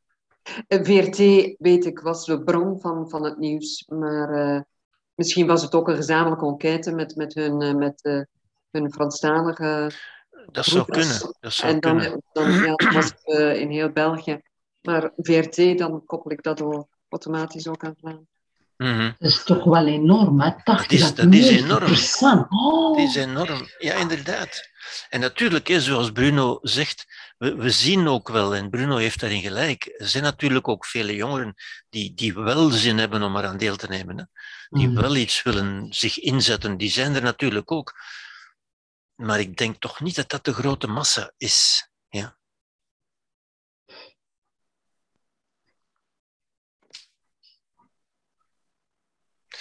Ik heb natuurlijk een beetje een therapeutische bias in, in de zin dat, dat die mensen komen mij niet raadplegen natuurlijk. Hè. De mensen die naar ons, naar ons komen zijn mensen die het niet zien zitten. Ja. Wil je daarmee zeggen dat dit eigenlijk vroeger, als we naar onze voorgangers kijken, les ancêtres, dat die eigenlijk eh, dat ook hadden, maar dat het niet onderzocht is en dat het nu door onderzoek duidelijk is, of, of dat het eigenlijk een tendens geworden is. Of, nu, dat, dat gedrag is er, is er van allen tijden, maar ik bedoel, de frequentie, 80 à 90 procent, eh, is dat ten allen tijden zo geweest? Of, eh, Dat denk ik niet. Dat denk ik Nee. niet. Dat denk ik niet. Omdat men, eh, weet je, ik denk, we hebben, ook te, we hebben het ook te gemakkelijk. Er is te veel comfort. Ja, We, we hebben het te gemakkelijk. Ja. We, moeten, Ja. we moeten ons nergens meer voor inzetten. Onze, onze overleving is sowieso verzekerd. We hebben altijd een, een vervangingsinkomen of, of een bijstandsinkomen. eh, en, en Mhm. Maar dat geeft geen zin aan het leven. Hè? Dat geeft geen enthousiasme. Of, hè? Nee. Terwijl mensen vroeger, en dat is niet zo lang geleden, eh, niet meer dan 100 jaar, hè, waren mensen bezig met, met overleven gewoon. Hè? Mhm. Ja, een mens is gemaakt om in moeilijke omstandigheden te leven. Hè? Dat denk ik eigenlijk ook. Hè. Ik, ik denk ons, ons brein wordt gek van die, van die overvloed, denk ik. Ja, lui, of, niet lui, maar, maar handelen. economisch, economisch in het spenderen van eh, mentale energie. Ja, ja. Maar we, we hebben ook een overvloed aan, aan, aan zorg bijvoorbeeld. Zodra er iets scheelt, komen, zijn er al therapeuten die gespecialiseerd zijn in dit of dat, deskundigen en zo verder. Je moet zelf niet meer, aan de, niet meer actief zijn. Hè. Je moet je probleem niet oplossen. Je, er zal wel iemand dat komen doen. Hè. Ja, er sterft iemand op straat en dan, of twee, drie, dan wordt de CUM gevraagd of zo, Ja. cellule d'urgence medicopsychologie. En in India, voor mij zie ik iemand eh, neerstorten en er, er gebeurt zeer weinig. Of het is eigenlijk ook een cultureel eh, gebeuren ook, hè, bij ons. Mhm. ja. Vandaar dat we onze inspiratie uit het oosten kunnen eh Ja. bijtanken. Wat goed is, wat goed is natuurlijk, hè, dat onze maatschappij er allemaal op voorzien is. Ja, Hè, dat wel. ja, Maar Maar leven- ja ik een inderdaad. interessante opmerking eh, een tijdje geleden, of een paar weken geleden, eens gehoord heb van jou, eh, Gerbert, is eh, inderdaad met kindersterf, kindersterfte, 100 jaar geleden. Eh, ja, kindersterfte, hè, dat is, dat is natuurlijk wel heel erg. En maar hoe dat we er nu mee omgaan met Ja. kindersterfte Ja. tegenover 100 jaar geleden, en Ja. dat vind ik ook wel eh, Ja. eh, een goed voorbeeld. Ja, Mhm. Bach, die gestorven is in 1750, had twintig kinderen, waarvan er maar negen hem overleefd hebben. Hè? Mhm. En dat werd toen als normaal gezien. Hè? Dus dat is niet zo lang geleden. Hè?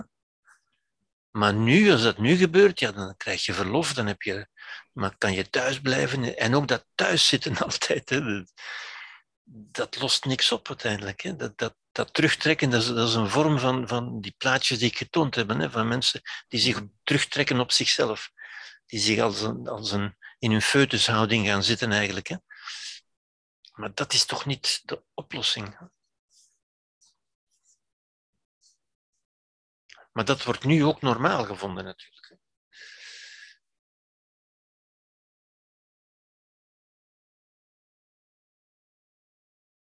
Maar altijd onderweg zijn en bezig zijn en vluchten in activiteiten is ook niet goed.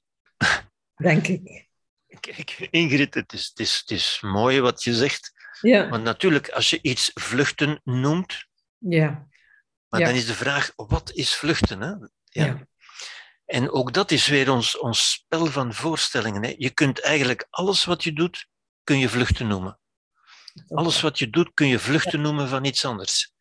Vluchten is een, is een betekenis, dat is geen realiteit. Hè? Je kunt nooit aantonen dat iets een vlucht is of niet, maar je kunt alles vlucht noemen. Ja. Zoals je alles verlies kunt noemen of alles een belediging kunt noemen. Ja. Maar daarmee creëer je, als je iets vlucht noemt, dan creëer je al negativiteit. Hm. Maar iets kan u stimuleren en iets anders kan u gewoon Mhm. Uw denken uitsluiten, misschien. Dat je minder nadenkt. Ja, Ja. Als er een tijger voor u staat, dan is vluchten een hele goede strategie. Dan moet je niet te veel nadenken, dan moet je onmiddellijk vluchten.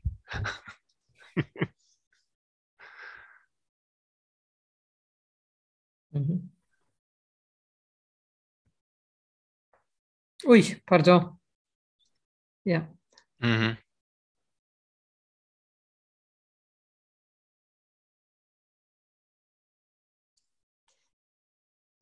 Er zijn vast en zeker nog interessante gedachten die ik in de chat gelezen heb, maar ik zie dat Dirk ook nog zijn hand heeft opgestoken. Is die nog relevant, Dirk? Ehm, in mijn eigen gedachten natuurlijk, maar het is aan jullie om dat eh, met zekerheid vast te stellen dat ik gesproken heb. Eh, maar mijn eerste, eh, mijn eerste opmerking is naar de vraag die gesteld wordt. Eh, wat kan ik doen wanneer ik in mijn omgeving iemand heb die depressief is en die dus eigenlijk wel een heel traject eh, te lopen heeft? Eh, en wat kan ik dan doen? Wat is het kleine beetje wat ik kan doen? Wel, mijn suggestie is, nodig die persoon uit voor een wandeling in het bos. Mhm. Ehm, dat kan geen kwaad. Nee. Dat schept verbondenheid. Dat schept verbondenheid met de persoon, jezelf, eh, de persoon in kwestie, de natuur. En mijn eigen persoonlijke ervaring is dat als je lang genoeg wandelt, want je moet natuurlijk een beetje lang genoeg wandelen, eh, om, om, om, eh, om de blok lopen in eh, Antwerpen Centrum of Brussel is geen wandeling maken. Hè. Eh, na een bepaalde tijd ervaar je en voel je de natuur en dat je daar eigenlijk ook een stuk van bent.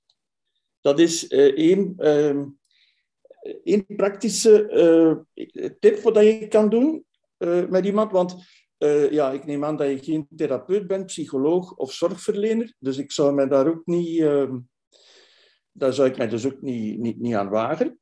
Maar ik vind dus wel dat, dat therapeuten, wanneer ze hun werk goed doen, dat ze een gids kunnen zijn. Dat ze iemand kunnen eh, op een pad sturen. Eh, daaronder verstaan, en daar ben ik het met eh, Gerbert 100% eens. eh, je mag nog de beste psychiater, therapeut, psycholoog, huisdokter hebben. Uiteindelijk zul je het zelf moeten doen, want het gaat Ja. niet om een ziekte, maar om een existentiële crisis. En dat is een goede zaak, Mhm. maar dat is oncomfortabel. Mhm. Dat is geweldig oncomfortabel, want je zit buiten je comfortzone. En dus, ja, in mijn ogen mag je iemand inderdaad eh, met een zekere empathie en met een zekere, ja, met, met een zekere empathie eh, graag zien, eh, met hem meeleven. En dat is niet zijn hulpeloosheid stimuleren, noch hem tot kind maken.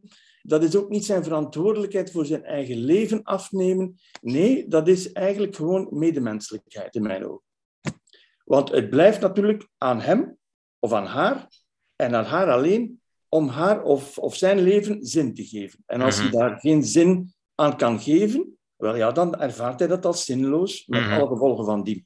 Dus dat is eigenlijk voor mij ehm, niet zo moeilijk, maar het is wel moeilijk omdat wij maatschappelijk natuurlijk een enorme schroom hebben om iemand zo te benaderen. Wij weten dat iemand het lastig heeft. Eh, wij vragen hoe, hoe is het met je? Eh, we durven dat eigenlijk al bijna niet. Dus er is enorm veel maatschappelijke, eh, hoe moet ik zeggen, eh, druk, dwang om dat eh, zich op zichzelf teruggegooid worden, waar dat jij over sprak, Herbert, om dat ook zo te laten en om dat nog te versterken. Ik, heb, enfin, zwart, ik, ik ga me niet toe beperken. Dat zijn eigenlijk volgens mij wat je kunt doen met iemand die depressief is. Dat is een wandelingetje in het bos, want uit zichzelf komt die man of die vrouw er misschien niet toe. Mhm. Maar als je hem min of meer duwt, zal hij achteraf wellicht tevreden zijn. Maar hij zal altijd zeggen, ja, nee, liever niet. Of, goh, ja, kunnen we dat niet uitstellen? Of dan toch wel een zeer kort, want mijn knieën doen pijn. Maar met wat aandringen zal de persoon wel meegaan. En dan het tweede, eh, de oorzaak van eh, waarom zoveel eh burn-outs nu, en, en is dat wel juist? Wel, dat is dus niet juist. Want in de middeleeuwen bestond er zoiets als acedia. Hè? Als je over burn-out iets wil weten, dan is nog altijd het boek van Graham Greene, A Burned Out Case, een roman die dat prachtig beschrijft. En zelfs in de middeleeuwen, eh, wat betreft de spiritualiteit, hadden monniken af en toe, regelmatig, want er werd over geschreven, een burn-out. Dus dat is iets van alle tijden. Maar zoals je zei, Gerbert, inderdaad, wij zijn daar nu, wij zitten in een maatschappij die ja, van de wieg tot de dood een verzorgingsstaat Ja. is. Met de Ja. beste bedoelingen. Ja, met de beste En hier verwijs ik dus naar het boek eh, over job en job satisfaction en zinloosheid. Eh, ik zou David Graeber, een antropoloog, aanraden van de Yale Universiteit, die een boek geschreven heeft, Bullshit Jobs. Ja. En dat zegt het genoeg. Veel mensen, en daarin had je gelijk in, eh, Gerbert, dus die enquête die wees uit dat 80, 85 procent of meer nog mensen die een job zinloos vinden, die, die toegeven, gestudeerde mensen die toegeven dat een job eigen, eigenlijk er ook beter niet zou kunnen zijn. Ja. Uiteraard heb je dan een probleem, uiteraard. Maar dat is effectief geen medisch probleem. Ja. Pillen gaan daar niet bij helpen. En inderdaad, in het systeem, in het systeem stappen van ontwapening en van zieken, ja, is, is natuurlijk de zaak versterken. Dat, dat is een feit. Mhm. Oké, ik ben het daarmee eens natuurlijk, ja. Hm. Ja, gewoon een, bedenking bij. Ja, ja, ja, ja, ja, ja, ja bedankt die voor je... jobs, want je hebt ook burn-out en je hebt bore-out. Ja. Dat zijn mensen die Ja. doodverveeld zijn door hun job. Inderdaad. Om dezelfde reden. Ja, ja. Absoluut. Dus wat is daar de oplossing? Simpel. Verander van werk. Doe iets anders. Vraag je af wat je wel wil doen. Ja. Eh, dus de- het ligt voor de hand, maar het is zo moeilijk. Ja, ja inderdaad. Dankjewel voor die opmerkingen, Dirk. Dank je. Als er geen eh, verdere vragen zijn, dan kunnen we misschien beginnen met af te sluiten. Maar Bart heeft nog een interessant idee. Ah ja. Ah ja, sorry. Ja. Een, een vraag eigenlijk. Ehm, ja, we hebben in de afgelopen drie lezingen heel nuttige inzichten meegekregen, eh, waarvoor mijn oprechte dank. Ehm, alleen vraag ik me af, heb ik ook een aantal actiepunten gemist?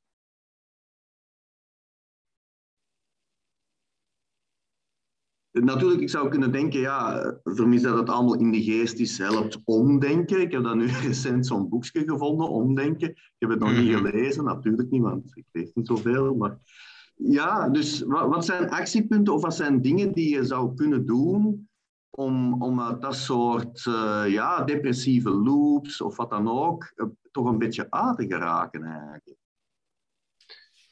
Ik denk dat er niets beter is voor actie dan een goede theorie, hè? dan de goede inzichten uiteindelijk. Hè? De, de actie volgt uit de inzichten. Hè? Maar het is inderdaad waar, ik geef geen tips en tricks, eh, daar geloof ik niet zo in. Ik, ik geloof wel in, de, in, in, in een bepaalde mindset. Ja? Bijvoorbeeld een- de, de empowerende gedachte dat je meer kunt dan je denkt dat je kunt. Hmm. En dat je kunt inspireren door naar anderen te kijken. Anderen moeten je niet komen dragen of, of steunen of troosten. Maar kijk naar wat er mogelijk is. Kijk naar wat, jou, wat, wat, wat de soort waartoe je behoort allemaal doet. Hm. In, inspiratie. Oké. Bedankt. Ehm, boeken ook natuurlijk. Hè. Ik, ik ben een enorme fan van, van boeken, omdat je in boeken natuurlijk eh, mensen ontmoet. Hè. Boeken hebben geen wijsheid, hè, maar mensen hebben wijsheid die ze in boeken meegeven en die door de, eeuwen heen tot ons komt. Hè. Bijvoorbeeld Epictetus, waar Dirk eh, het over heeft, is, is een bron van wijsheid. Hè. En als wij sociale wezens zijn, dan is het vooral daardoor, omdat we elkaar wijsheid meegeven. Niet zozeer dat we op een hoopje gaan zitten en, en samen lekker knus eh, warm hebben, zoals katten dat doen, maar, maar omdat wij elkaar, mensen geven elkaar wijsheid mee. En dat hebben, we, dat hebben we vooral nodig. En in die zin zijn we sociale wezens. Als ik even iets mag toevoegen, eh, Gerbert, ik denk dat het idee van spirituele oefeningen jou niet onbekend zal zijn. En dat is een van de dingen, denk ik, ehm, als je dat naar de dag van vandaag kunt uh, wil vertalen, dan zou je kunnen zeggen, ehm, als je donkere gedachten hebt, laat ik het zo noemen, of als je dus um, ontkrachtende gedachten hebt, dan kan het helpen van die gewoon neer te schrijven, de pen niet van het blad te halen, gewoon neer te schrijven Mhm. en die weg te stoppen. Dan heb je ze letterlijk van je weg geschreven, letterlijk, hè, je steekt ze in een doos. En dan kun je af en toe, als je goed voelt, eens kijken, uh, ja, met al de theorie die je nu gekregen hebt in die drie lessen, tja, uh, ja, hoe werkt mijn geest? Hoe functioneert dat eigenlijk? En, en klopt dat? Ja. En, en, en op die manier, als je spreekt over actiepunten, misschien, um, enfin, ik persoonlijk, ik um, heb daar veel baat bij van te schrijven uh, voor mijzelf en. Achteraf, dat is te lezen. En, en dan, ja, en ik leer daar dus op die manier zeer veel uit. Misschien is dat ook voor iemand anders Ja. eh, nuttig. Ik noem dat spirituele oefening. Eh, ja, in, inderdaad. Want het, de nadruk ligt ook niet zozeer op het, op het schrijven als dusdanig, maar op het bewustwordingsproces. Mm. Het, het schrijven helpt je bewustwordingsproces en is in die zin een, een spirituele oefening. Hè? Ja. Het doet iets met je mind. Het creëert trouwens ook de afstand die nodig is. Het zit niet meer in je hoofd. Je hebt fysiek een afstand gecreëerd tussen je gedachten Mhm, en jezelf. En je bent Mhm. ook je gedachten niet. Je bent je zwarte gedachten niet. mhm. Maar die komen door je hoofd en Ja. je leidt die af op een blad papier en dat laat jou toe met de reden om daar iets mee te doen als je dat wil. En om die te corrigeren. Ja.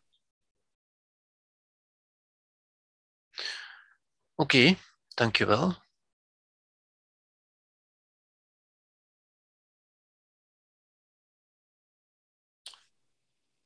Mia, misschien kunnen we. Het is tien uur voorbij, tien over tien. Oké.